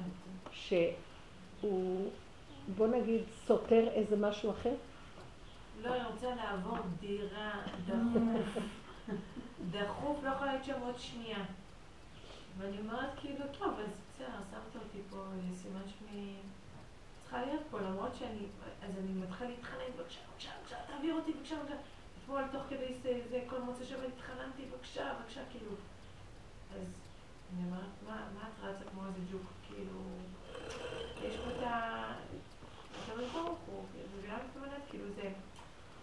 אני חוזרת לדעת אם אני מתחננת. את רואה? את חוזרת לדעת, ואנחנו צריכים ללכת עם האמת. באמת אנחנו מתגלית האמת. כי אם את חוזרת עם הדעת, מה הדעת עושה? הדעת יודעת שזה השם. הדעת יודעת. היא מדומיינת שהיא יודעת. כי לסגור אותה ולהרגיש מה את צריכה. מבינה מה אני מדברת? תחי את הבהמה שלך. אם האדם היה חי את עצמו,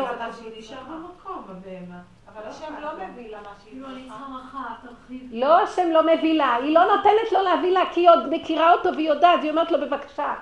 אז זה מה שאני אומרת, לא להתחנן.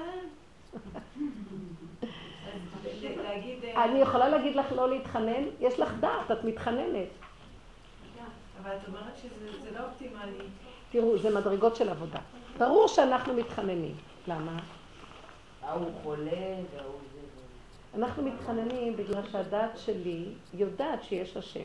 הוא גדול ורם ונישא וחי וקיים והוא כל יכול. אני יודעת את זה, נכון? שאני יודעת את זה, אז אני מתחילה להתפלל לפי הדעת שלי. אני גם יודעת שיש לי חיסרון. אז אני רואה שאני מתחננת, מתחננת, מתחננת ולא מקבלת. אני מוסיפה להתחנן. כי ברוך השם אנחנו מאמינים בדעת, מאמינים בדעת שבני אברהם, יצחק ויעקב, מאמינים בני מאמינים בדעת שיש השם והוא ייתן לי. נכון? אז למה הוא לא נותן לי? אז uh, יש שתי אפשרויות. לא אכפת לי להמשיך להתחנן, אבל זה לא מה שאת אומרת. אין לי בעיה להמשיך לבקש. לא, את שמה לב מה אמרתי? אמרתי שאנחנו מתחננים מהדעת. מה היה עם משה רבנו שהתחנן? קשר הוא דרך... כי משה רבנו מסמל את הדעת. הוא רוצה קשר, אבל לא דרך הדעת. אז לא דרך הדעת? אז תקשיבו רגע. רגע, בבית, אז זה מה שאני אומרת, תתחילי להרגיש את האמת שלך, לא מה שהדעת אומרת לך. הדעת, הדעת, תראו, המצוקה התחילה, ואז שידרת אותה לדעת שאת רוצה משהו. שדרגת את המצוקה למציאות שכלית, ואז סידרת אותה. סידרת אותה מאוד יפה, ואת מדברת להשם. אם, אז שייתן, אני אגיד לכם את האמת, היום הוא לא הולך לכיוון הזה. כי, כי הוא מחפש היום את הצעקה של הבהמה. אדם הוא בהמה תושיע. האדם עבדנו עליו הרבה, מדרגת האדם עבדו כל הדורות על המדרגה הזאת של דעת, של בקשות, של תפילות מסודרות, של הכל של הכל. היום רק ויצעקו אל השם ותעל שבתם, אין דעת, אין היגיון, אין שכל. אבל כל עוד יש היגיון, המצוקה מוסתרת, מסודרת לה באיזה כיוון של דעת. בסדר, כמובן שכולנו עושים את אותו דבר. עד שאני מגיעה לתסכול, או שאני חונקת את התסכול ואומרת, מצדיקה את השם, או שאני חס ושלום יכולה להגיע לכפירה. אז מה אני יכולה לעשות?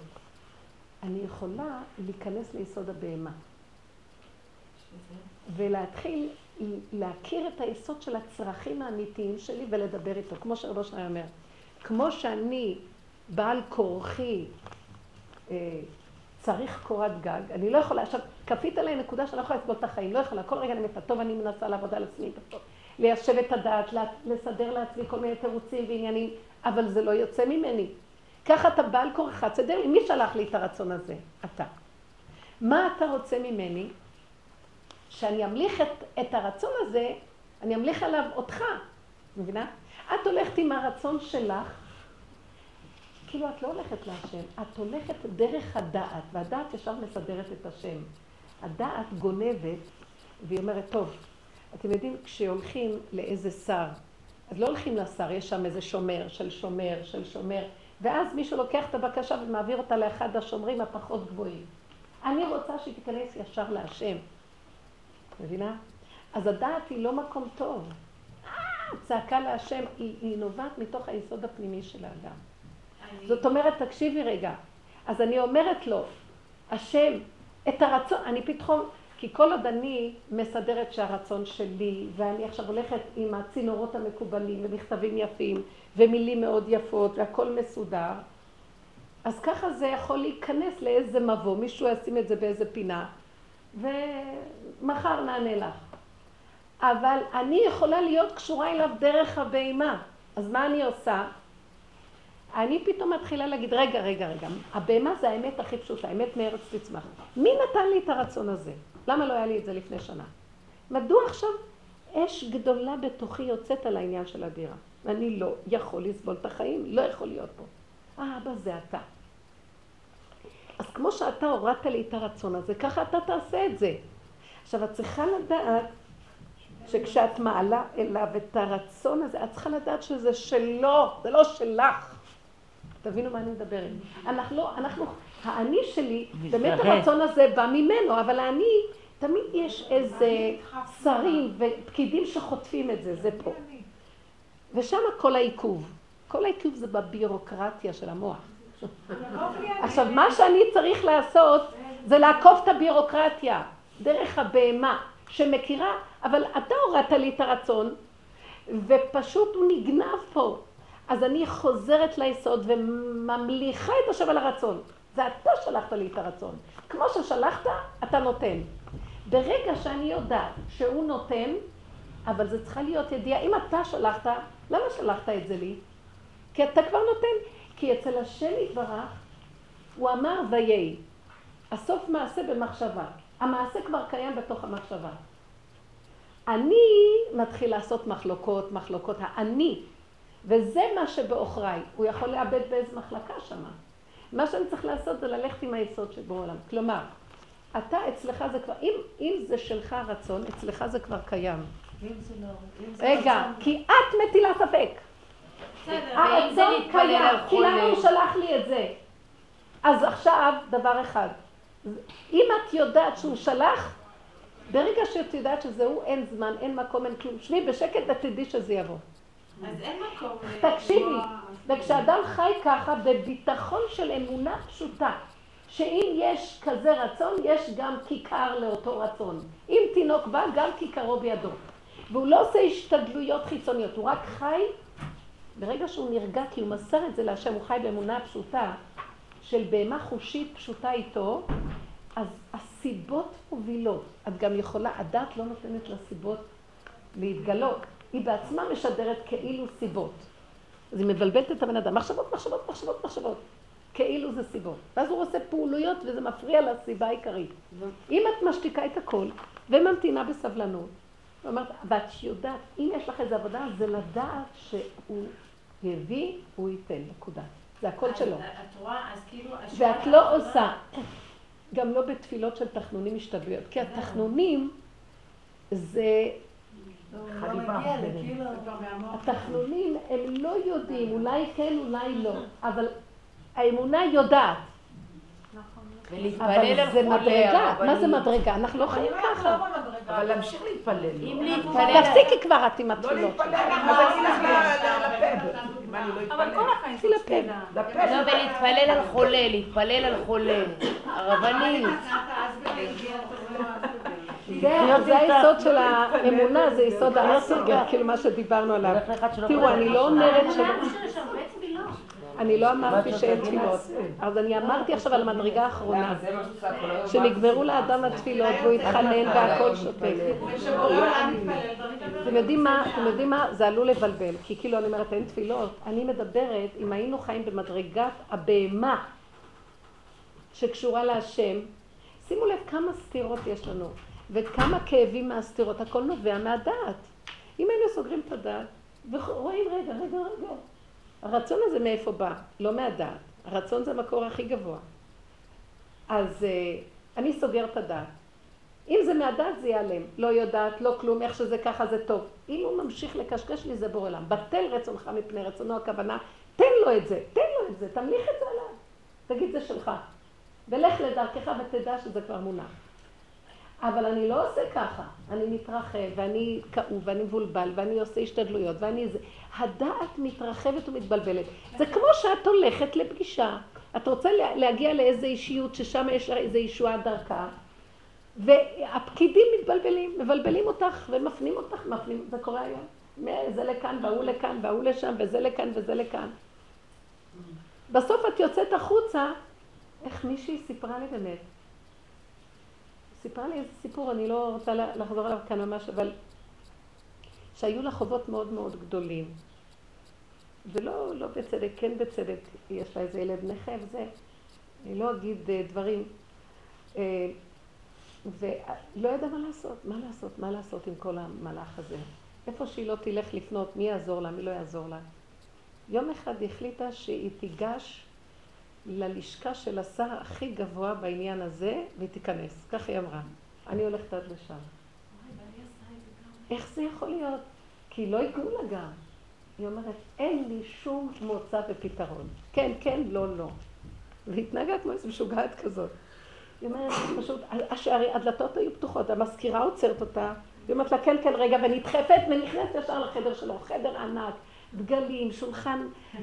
והיא יושב שם, אה, היא אומרת לו, תשמע, אני לא מצליחה לעמוד במהלך הזה, יש לי ילד נכה ואני במצב כזה, הכל זרקה מהר, מהר, מהר. אז מה את רוצה? אומר לה, אני לא יכול, אתה צריך להוריד לי עשירית, תשאיר לי עשירית, אני אעמוד בזה, אני לא יכולה לעמוד כלום. מה, נשתגע?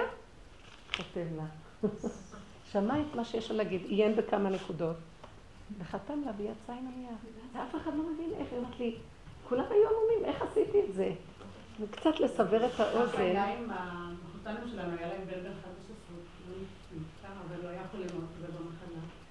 מאה אלף שקל צריך ואין לה שקל, יש להם רק חובות, היא הלכה לבנק, לראש הראשי, היא אמרה לו, תשמע, אני צריכה גם ככה, אני לא יודעת מה לעשות, והילד הזה, הוא פשוט מאה אלף שקל, הוא נתן לה. כנראה, יש בבנק איזה סעיף שהוא היה יכול להרשות לעצמו. לא, זה היה מהכסף שלו. ולי כיפה. וואו. הוא אמר, כשיהיה לכם פעם וזה... וואו. נו, איפה היא זאת רגע, שמסנגרת על אבל ישראל? הרבנית, יש לי שאלה. אבל את אומרת המ- המדרגה היותר גבוהה ויותר אמיתית זה שאתה לא מתחנן. אז תתחילי עם זה. אתה לא מתפלל. נכון. לא, אבל אז... שאתה לא מתפלל? לא. לא, שאתה כאילו זורם עם הכל, ואתה כאילו שלב עם אם. אתה מגיע למקום הזה, אבל-. אבל קודם לזה המקום של אני לא. אז את אומרת להשם, השם, אני כל כך, אני מבולבלת כל כך, שאני אלך דרך הפקידים האלה, ודרך המחשבות, ודרך הניירות, ודרך הסדר, ודרך התפילות, ודרך הבקשות, והכל והכל והכל. הייתה לי תקופה שלא יכולתי לפתוח את הפה ולהוציא מילה של תפילה. יש תקופות כאלה שפשוט אין לך. אז מה שיכול להגיד, יכולתי להגיד לו, תשלח לי, יהיה לי, לא תיתן לי, אין לי. מה הטענה עליי? פעם היית, למה לא טענת קודם? למה, למה שאני אטען על עצמי? למה, איך פעם כן התפלאתי כל כך הרבה ועכשיו, אז, אז, אז זה אתה פתחת ועכשיו סגרת, אני לא עומדת בזה. איפה שאתה סוגר, אני לא יכולה, אין לי כוח בכוח. תזרים לי, יהיה לי, לא תזרים, אין תזרים. אין תזרים, יש סתימה. אז רק אתה חי וקיים יכול. אז אני אומרת לו את האמת שלי. אני לא יכולה לעמוד בזה. תגידי לו את האמת שלך, לא יכולה לסבול פה, מסריח לי, אני הולכת למות. אמרתי אתמול, מלא. כן. אולי הוא לא נראית ככה. אולי, אולי, אולי תגידי לו, אולי תגידי, אני לא יכולה כבר להגיד בבקשה. לא, תלכי עם הנקודות של הכאב הפנימיות הכי גדולות. תגידי לו, אבל לא צריך גם להגיד אפילו בבקשה. כי בבקשה מטיל ספק שזה נמצא. זה נמצא. אתה חי וקיים, חי וקיים, תתגלה בגילוי שלך. חי וקיים. אז אני אגיד, אני מחכה, אני פשוט ומחכה. אני לא מחכה אפילו. כי אם את מחכה, אז תציצי אחורה לראות אם זה בא. תסגרי את המוח, תגידי, יש. תדעי לך, אם היינו מאמנים את המוח שלנו להיות בנקודה, אין לנו סבלנות, אין הכנעה. אין, זה אנחנו. אז תגידי לו, אין לי סבלנות ואין לי הכנעה, ואני ארים את הראש ואני אחפש. אז תראה, אתה רואה בורא עולם, זה הכל אתה שמת, ואתה רוצה שאני אבטל את רצוני פני רצונך. וגם לבטל אני יכולה כאילו, ואני מציצה לראות אם אתה כבר רודף אחריי, לתת לי. וזה מצבנו, ואני לא יכולה לעמוד בזה. על זה למה את לא מתפללת? למה את מתפללת לבקש על הדירה ואת לא מתפללת על מצבך בנפש? שדרך הכרות הפגמים הקטנות, שם הוא נמצא. הבנת מה שאני מתכוונת? תגידי לו את הפגמים שלך. אין לי שום אמונה, וגם אם אני רוצה להגיד שאתה, אני לא יכולה, אני, אין לי סבלנות כי אני רוצה עכשיו איך שאני, ורק אתה יכול לעזור לי, תתגלה עליי, ריבונו שלם. אתה בעצם סובבת את הרצון הזה כדי שאני אראה איך אני נראית. וזה מה שאתה רוצה, שאני אעשה עכשיו וידוי דברים לפניך. ומהכיפורים הזה יהיה פורים, תרחם עליי. את יודעת שהוא לא מבין את ההתחלה? ושאני- תגידי לו את זה, מילה במילה. איפה כל האיסור הזה להגיד על עצמך, שאסור להגיד לשון הרע על עצמך? זה לא לשון הרע. לא לשון הרע בכלל. זה ל- להתוודות, תראי, אם את הולכת למישהו אחר ואומרת על עצמך לשון הרע, לא טוב, אבל אם את לפני בורא עולם עומדת ומתוודה, והתוודו את חטאותם לפני השם, זה אפשרי. אבל יש עניין של מצווה הכרת אפילו. הטוב, שהשם נתן לי טוב, ואני מתלוננת, לי מאוד כואב. אז תגידי לו, השם נתת לי כל כך הרבה טוב, תודה, תודה, באמת נכון, התודה היא דבר גדול. בוא נגיד שיש אבל. גם מה שאת אומרת הוא נכון. תדעי לך, הנה, זה אני אחבר לך את הנקודה. אם אני חיה באמונה, אני אומרת לו כבר תודה שאתה נתת לי כבר דירה, אתה- אני כבר רק... הנה, זה דוד מגיע. המלך אמר את זה, הוא כבר אמר תודה לפני שהוא קיבל. כן, זה מה שישאר לעתיד לבוא. באמונה יש רק קורבן תודה. כאילו תודה. אין לי סבלנות, אבל תודה. באמת זה קיים, תודה, תודה חי וקיים. תודה. אתה יודע את הצרכים שלי.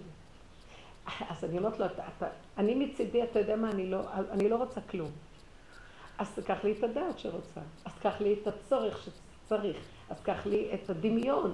אבל ככה, עם הנתונים האלה, אני, איך יעשה, מה יעשה הילד ולא יהיה חטא? אז, אז אני מדברת איתו על כל החלקים שלי. אני מזמנת, שימו לב, אני מדברת עם השם עם כל היסודות של הנפש, הפסיכולוגיים שלי, איפה ששם יש מבואות אפלים שאני לא מכירה אותם, ואני מתחילה לדבר ולחשוף אותם להשם. שם הוא נכנס. הייתי ממש כותבת, אמרתי, תראה איך אני יודעת לדבר זאתי, איך היא מדברת, המעיין נובע, ולא ידעתי. אז הייתי ממש אה, כותבת את כל התפילות שהיית נותנת בשיעורים. ואז היה לי, את מבינה, אז יכולתי ככה להתבטאות. אבל כל אחד יכול, אם מתאמנים, ככה צריכים. להתאמן בפשטי. פשטות. האדם צריך לדבר את הפשטות של מציאותו. הוא לא צריך להסתבך עם מה- מה שהשני אומר. כל אחד זה הפשטות שלו. אבל להגיד את האמת, אתם יודעים מה זה להגיד את האמת? להתבונן ולראות שאנחנו משקרים. מה עכשיו אנחנו רואים? מה אנחנו רואים כולנו בסיפור שלה? שאני עושה את החשבונות של בורא עולם, ומי זה בורא עולם שאני עושה חשבונות שלו? איך שהדעת סידרה לי אותו יפה, יושב על כיסא שם גבוה, והוא כל יכול. אבל הוא אומר לי, זה הדמיון איך שסידרת אותי. מה את חושבת שאני יושב על כיסא ולזה אני נותן ולזה אני אומר, זה אני לא נותן לו? ככה את סידרת אותי? את, כן, את מסדרת אותי איך שאת. שימו לב, אנחנו גורמים את. אנחנו מדמיינים, לא מחשבותיי, מחשבותיכם. כמו תפיסה של כן ראויה, לא. ראויה. שכאילו אני אמורה לדבר יפה בשביל להיות ראויה, אני אמורה להיות טובה, כמו שחינכו אותנו בבית. שאם אני אהיה ילדה טובה ואני אדבר יפה, כן. טוב, אני אהיה ראויה. ומה שאת מדברת, אז זה להעיז גם לדבר על הקושי. ו- אני, למה שאני לא אעז? אני לא באה נגד בורא עולם. אני במצוקתי מדברת עם הסגירות של הנפש שלי, עם השקרים שלי, עם הכיסויים שאני מגלה. אני לא נגדו חלילה. אני באה ואומרת, והוא כל כך שמח בזה, אני נגד אותו שטן שמדמה את השם לאיזה כזה שאסור להגיד כלום. זה עריצות, ואילו הקדוש ברוך הוא רוצה שאני אכיר את עצמי ואתוודה בח... בחלקי חלקים, וזה מה שהוא שם אותי פה, כי דרך זה הוא נכנס ומתגלה. בא השטן אומר, לא יפה ככה לדבר. אני לא מדברת אליו. אני מדברת לנפש שלי, ואני מתחילה לחשוף את כל המציאויות הסתומות והעקומות והכלכלות שלי. ובזה מתגלה ומתקדש כוח השם שנמצא בתוכי, שוכב בתוך הכלכלות הזאת. השכינה שוכן איתם בתוך תומותם. ודרך ההכרה הזאת אני מקים אותה. ואילו יושב לי שם במוח משהו שסידר לי, כמו איזה שר שמסדר כאילו, יש כאלה שרים שאוהבים לעשות את עצמם מאוד חשובים, בשם המלך. ואף אחד לא יכול לעבור כי הם, ככה הם עושים לעצמם כיסא. וזה מה שיושב לי במוח. גם ההכרה הזאת לא מספיק. אני הייתי באותו מצב שהיה לפני כמה חודשים, ואמרתי את מה שאמרתי. ורק, שצ- רק צעקתי. הלכתי לשדה עם האחר, רק צעקתי, וצעקתי על מה צעקתי, תתגלה, למה? כי אני רואה את הכיסויים של אני, אני מכסה, ואני לא רואה את השם מעצמי. אז תראה לי שאתה פה ואתה אתה בהכל, אז רק אז הצעקות... תראי, תראו, אני אגיד לכם, מצעקה לצעקה הגילוי נהיה יותר גדול. אני, הצעקה הועילה לי בדבר אחד שאני עכשיו רואה עוד יותר את העקמומיות שלי. כי הוא אומר לי, ברגע שאת מגלה את העקמומיות, אני יכול להתגלה כי אני נמצא בעקמומיות קבור, בגלות. תגלי את העקמומיות, שם אני קבור, ניצוץ קבור. את מעלה אותי עם הצעקה שלך כשגילית את העקמומיות שלך. למה את מחפשת אותי בשמיים? זה הדמיון שלך שסידרת לך מאיזה אלוקה. זה עץ הדת, זה הדמיון של עץ הדת, בסדר. אנחנו לא, יכולים, אין לנו השגה בו. אנחנו מדמיינים אותו. אבל באמת, באמת, מי זה שמחיה אותנו פה כל רגע ומנשים אותנו ומזיז אותנו ומחיה אותנו? זה הוא ששוכן בתוכנו, והוא בגלות בתוכנו. אז זה קודם כל החלק שצריכים להקים אותו. זה הפרעה ששוכב בתוכנו, וצריכים להוציא אותו מהמבואות האפלים ולגלות אותו, כי הוא המסתיר את יסוד הגאולה. הוא בעצמו שם נמצא אור. אני בטבע קשה לי לצעוק, אני לא יכולה לצעוק, אז ראיתי תמיד, ואני הולכת לקבר של בגושה, קשה זהו, ושמה שמה זה קורה לי. כאילו, כן. יהיה של לי המקום. את ה... כן, השם לי כן. שמה. כן. סליחה, לגבי אה, שרה, אגר ואברהם, שרה גירשה את אגר, מה עם דברים תכלס שנעשים? בעידן אחר אולי זה אחרת, כן. כן? נכון. זה נורא מעניין אותי הנושא הזה. איך אז היה לפני ההתהוות של האומה היהודית והיה צריך ליצור מצב כזה. זה עץ הדעת טוב ורע, זה היה צריך להבדיל בין הרע לטוב. אה, אוקיי. היום אנחנו בסוף, הטוב והרע מתערבבים וחייבים להמליך את השם כי אנחנו בסכנה, לא יכולים לדעת. גם על זה שהיא מיינה בצורה הזאת, גם כן יש בעיה, שאנחנו עד היום סובלים. רמב"ן אומר, אה? רמב"ן. הרמב"ן אומר שעד היום אנחנו... בטח, כל. מה שאומרים שהייתה כן, כן, כן. כאילו אנחנו לא יכולים לדעת מספיק מה טוב ומרע כדי להחליט החלטות כאלה. זאת זאת הכוונה. איך, זו איך? החלטה משמעותית, כלומר, כמו שדיברנו קודם על כבוד לבעל, שיש דברים שאנחנו לא נאמר. אה, אז היא ממש לקחה החלטה חריפה, שממש... אה, אבל היא הייתה נביאה כזאת. מי? על מי את מדברת? על שרה, שהיא לקחה החלטה חריפה. כן, פשוט אמרה לו בפירוש שהוא מגרש את הגר ואת הבן שלו. היה לה נבואה, היא לא אבל. תקשיבי, היא לא הייתה אישה פשוטה.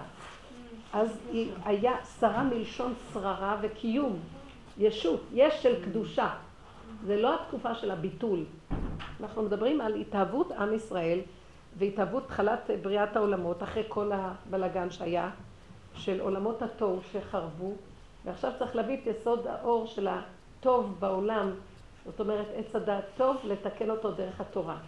התהוות עם ישראל, וזה האבות והאימהות. אז, אז אנחנו לא יכולים, למרות שהם באופן אישי כן עבדו, אבל היה להם, הם עבדו את השם בביטול גדול, אבל היה להם תפקיד, בתפקיד שלהם היה יש. התפקיד שלהם זה לבנות, אני אמרתי עולם חסד ייבנה. אז היה יש במציאות שלהם. אנחנו עכשיו לקראת סוף הדורות מקפלים. מקפלים את הבריאה ומעלים. מקפלים אותה אחורה. יש מהלך של קיפול אחורה דווקא, מעניין. אה? יש ב, ב, ב, בלשם, הוא מדבר על הרעלה שערים, אז הוא מדבר על הסוף, לקראת הסוף הוא מתחבר להתחלה, סוף מעשה במחשבה תחילה, הוא מתחבר אבל דרך הקיפול האחורי. סופן נעוץ בתחילתן. כן, סופן נעוץ בתחילתן, ואז מתחילה להיות, ואז יש גילוי הגאולה, השם מתגלה. זה התהליך שאנחנו מדברים עליו. זה לא התהליך של התהוות העולמות בתוך הקן החיובי.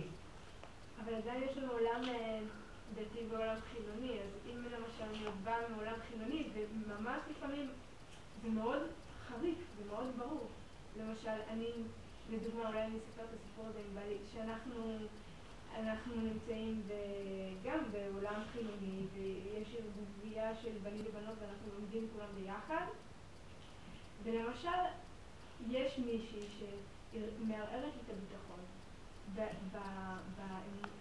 עם בעלי, כלומר, אני לא מרגישה קנאה כלפיה, אבל אני מרגישה שהיא עלולה לקחת את התשומת לב שלי, שאני רוצה מבעלי, כן? כן. ואני לא רוצה שהיא תהיה בסביבה.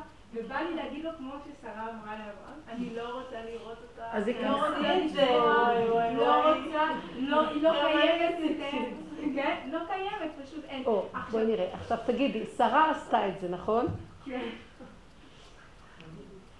בעולם, בדורנו אנחנו, הייתי מציעה לך, אם היית נכנסת לעבודה שלנו, הייתי מציעה לך לעבוד בכיוון אחר. כי את יכולה גם להיתקל במצב שככל שאת תדברי איתו באופן, כי את מדברת בצורה דתית נכונה, אז אפילו הייתי אומרת לך, למה הדת כל כך מבדילה את הדברים? מה שבטוח בטוח זה גדרים, זה סייגים, זה כללים, זה גבולות, בפיזי, בגוף הדבר ממש. כי ככה אפשר לגדור אותנו מתוך כל הבלגן של העולם. היום שהעולם הופך להיות, את יושבת בתוך הערבוביה. למה בכלל את מספרת סיפור כזה? אצלנו זה לא יכול לקרות, ש, שמישהי תגנוב את, את תשומת ליבו של בעלי. ממתי, רגע, רגע, רגע, רגע, ממתי בעלי יושב לדבר עם מישהי אחרת, ואני אעמוד בצד ואני אפחד ש... אני מדברת על גוף הדבר. אז ברור שיש הבדלה מאוד ברורה, זה הגדרים של התורה. מה שיקרה לקראת הסוף, על מנת שאנחנו נצעק להשם שיבוא לגאול אותנו, כי אחרת לא יהיה לנו. כי עד כה אני יכולה לעשות גדרים, ואני ככה גודרת את בעלי ושומרת עליו. אבל השלילה נכנסת לכל החלקים, כמו שהיא רוצה להגיד. גם לעולם כמו שכולנו החרדי. קמים פתאום. מה את חושבת, שאצלנו זה מסודר בתוך העולם החרדי, ששומר? גם שם זה נכנס בחורים ובסדקים בכל מיני צורות.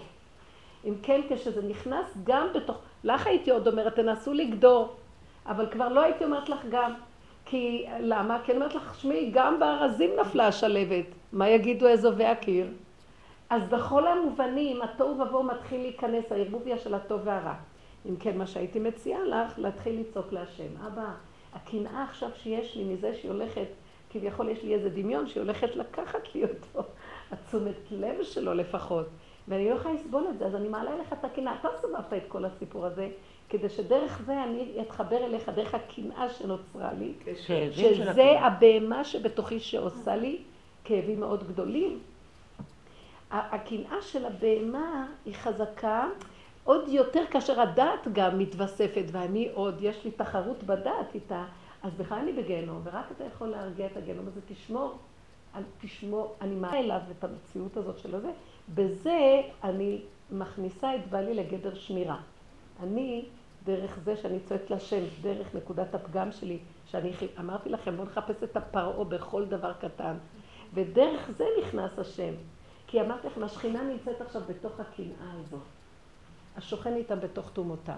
אבל עד שלא באה אותה ריבה יפה, אני לא מאוימת. פתאום הסיבה סובבה, הקנאה מתעוררת, יחד איתה גם השכינה.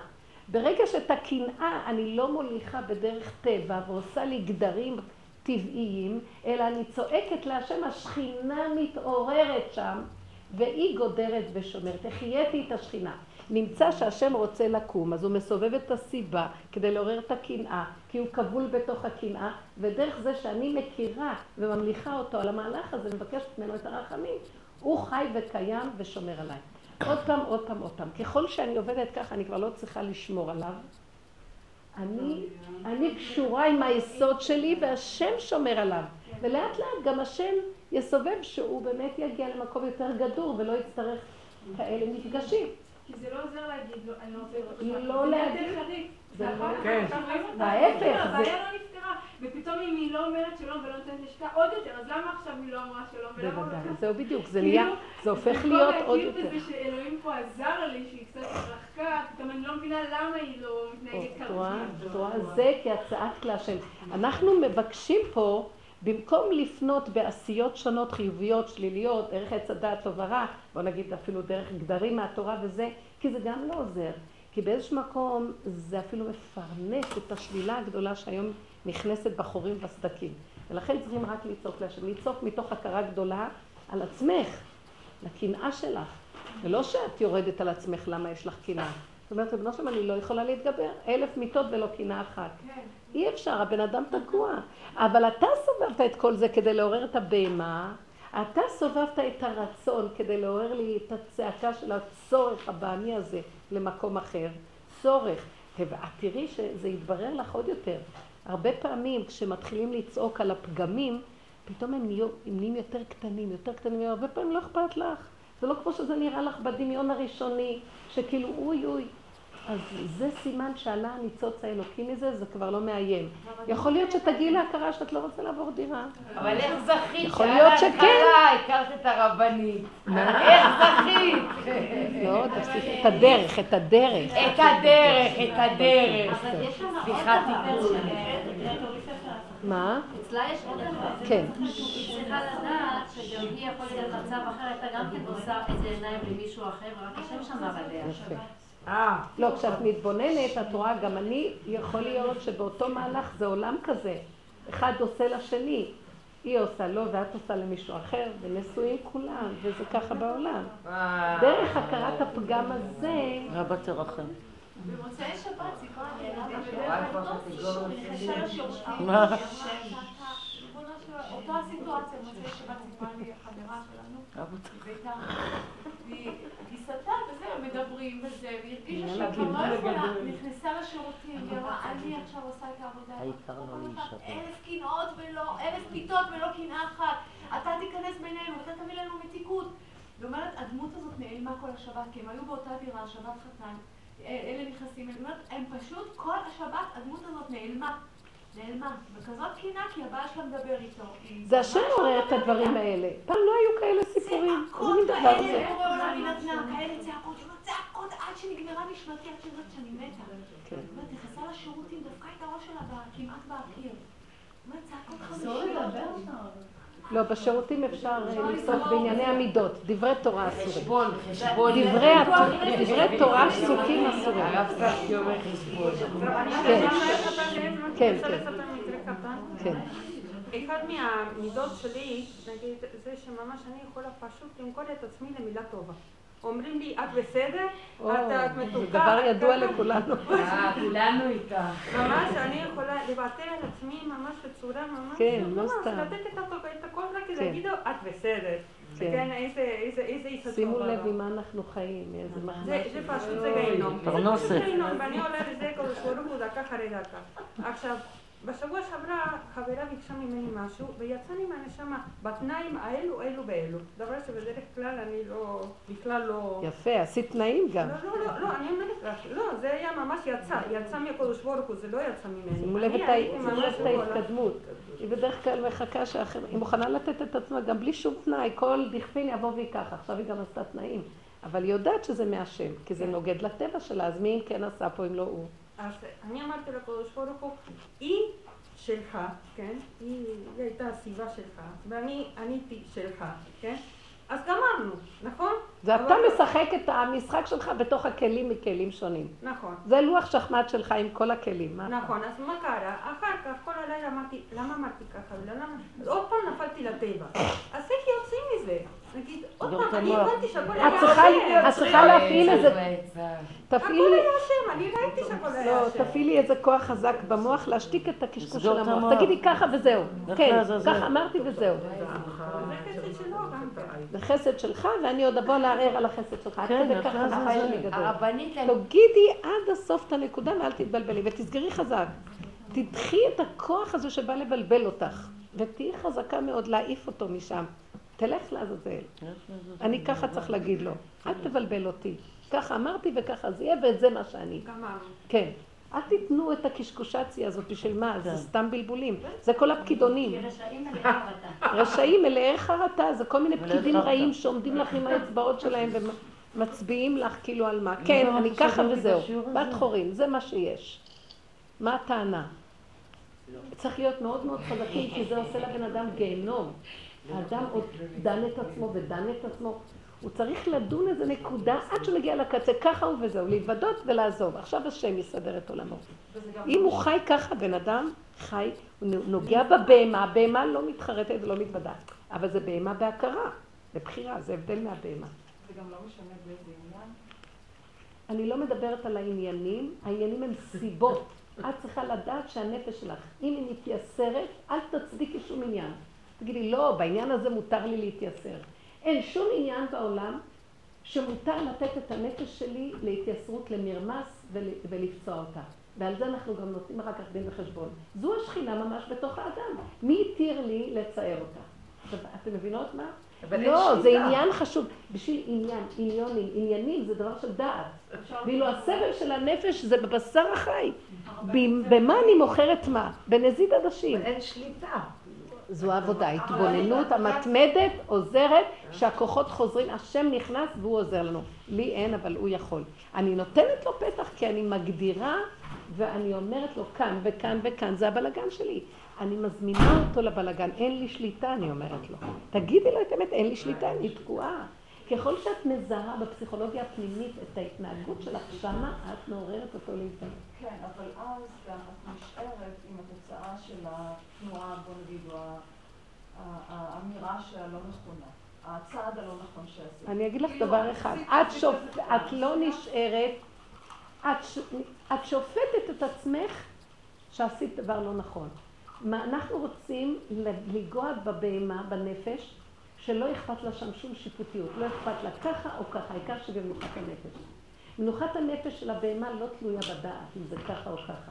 אני רוצה שתשאפי למקום הזה. אם חלילה- לא, אנחנו נהיה כאן משוגעים כולנו. תסגרו את המוח ותהיו ברגיעות? הנפש. מה אם חלילה פגעתי בכבוד אדם מכובד, בוא נגיד? אמרתי אמירה מסוימת... אז תגידי לו איתה- סליחה, וזהו, מה מה את עושה עניין? למה את... באותו רגע, בוא נגיד, אני לא הייתי מודעת לכך. דוגמה. אה, התאר- התארחתי אצל ראש הישיבה של הבן שלי, אוקיי? והעזתי להגיד דברים שאני יודעת, אבל באיזשהו מקום הרגשתי שכאילו אה, אולי זה קצת אה, לא במקום. מת השם הייתה זאת. מה? למה את לא חושבת שהשם. שם בליבך להגיד לו בפה? מה את לא חושבת? יודעת, לא יודעת, אבל הרגשתי אחרי זה, מה אני בכלל? איזה מין חוצפנית? איזה מין... נכון. איזה מין... אה, מה מה אני בכלל יודעת? נכון. אני יודעת משהו קטן, אז מותר לי להגיד את זה בצורה כזאת? טוב, מה הייתה עכשיו? לי תחושה נכון, מה עשית? שכאילו חלילה זה לא היה במקום. נו. כאילו.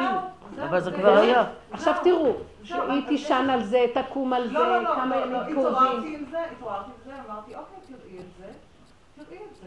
והשאלה היא מה את רוצה. את רוצה, כלומר, מה בעצם לא המטרה השאלה של כל כלום, תעבירי את זה לבורא עולם ותגידי לו, אבא, אתה סובבת לי את הסיבה להיות שם, הראת לי איך אני נראה, הראת לי שאין לי גדרים ואין לי גבולות, ויש לי חוצפה, ויש לי מציאות שאין לי כבוד, ובערך-. אין לי, אם אתה לא תעזור לי, אין לי דעת, זה מראה לך שאין לך דעת, אין לך דעת תורה. וגם אם יש לך דעת תורה, גם היום הוא מראה לנו שאין לנו שום דעת. הוא רוצה את כולם להיות בתשובה.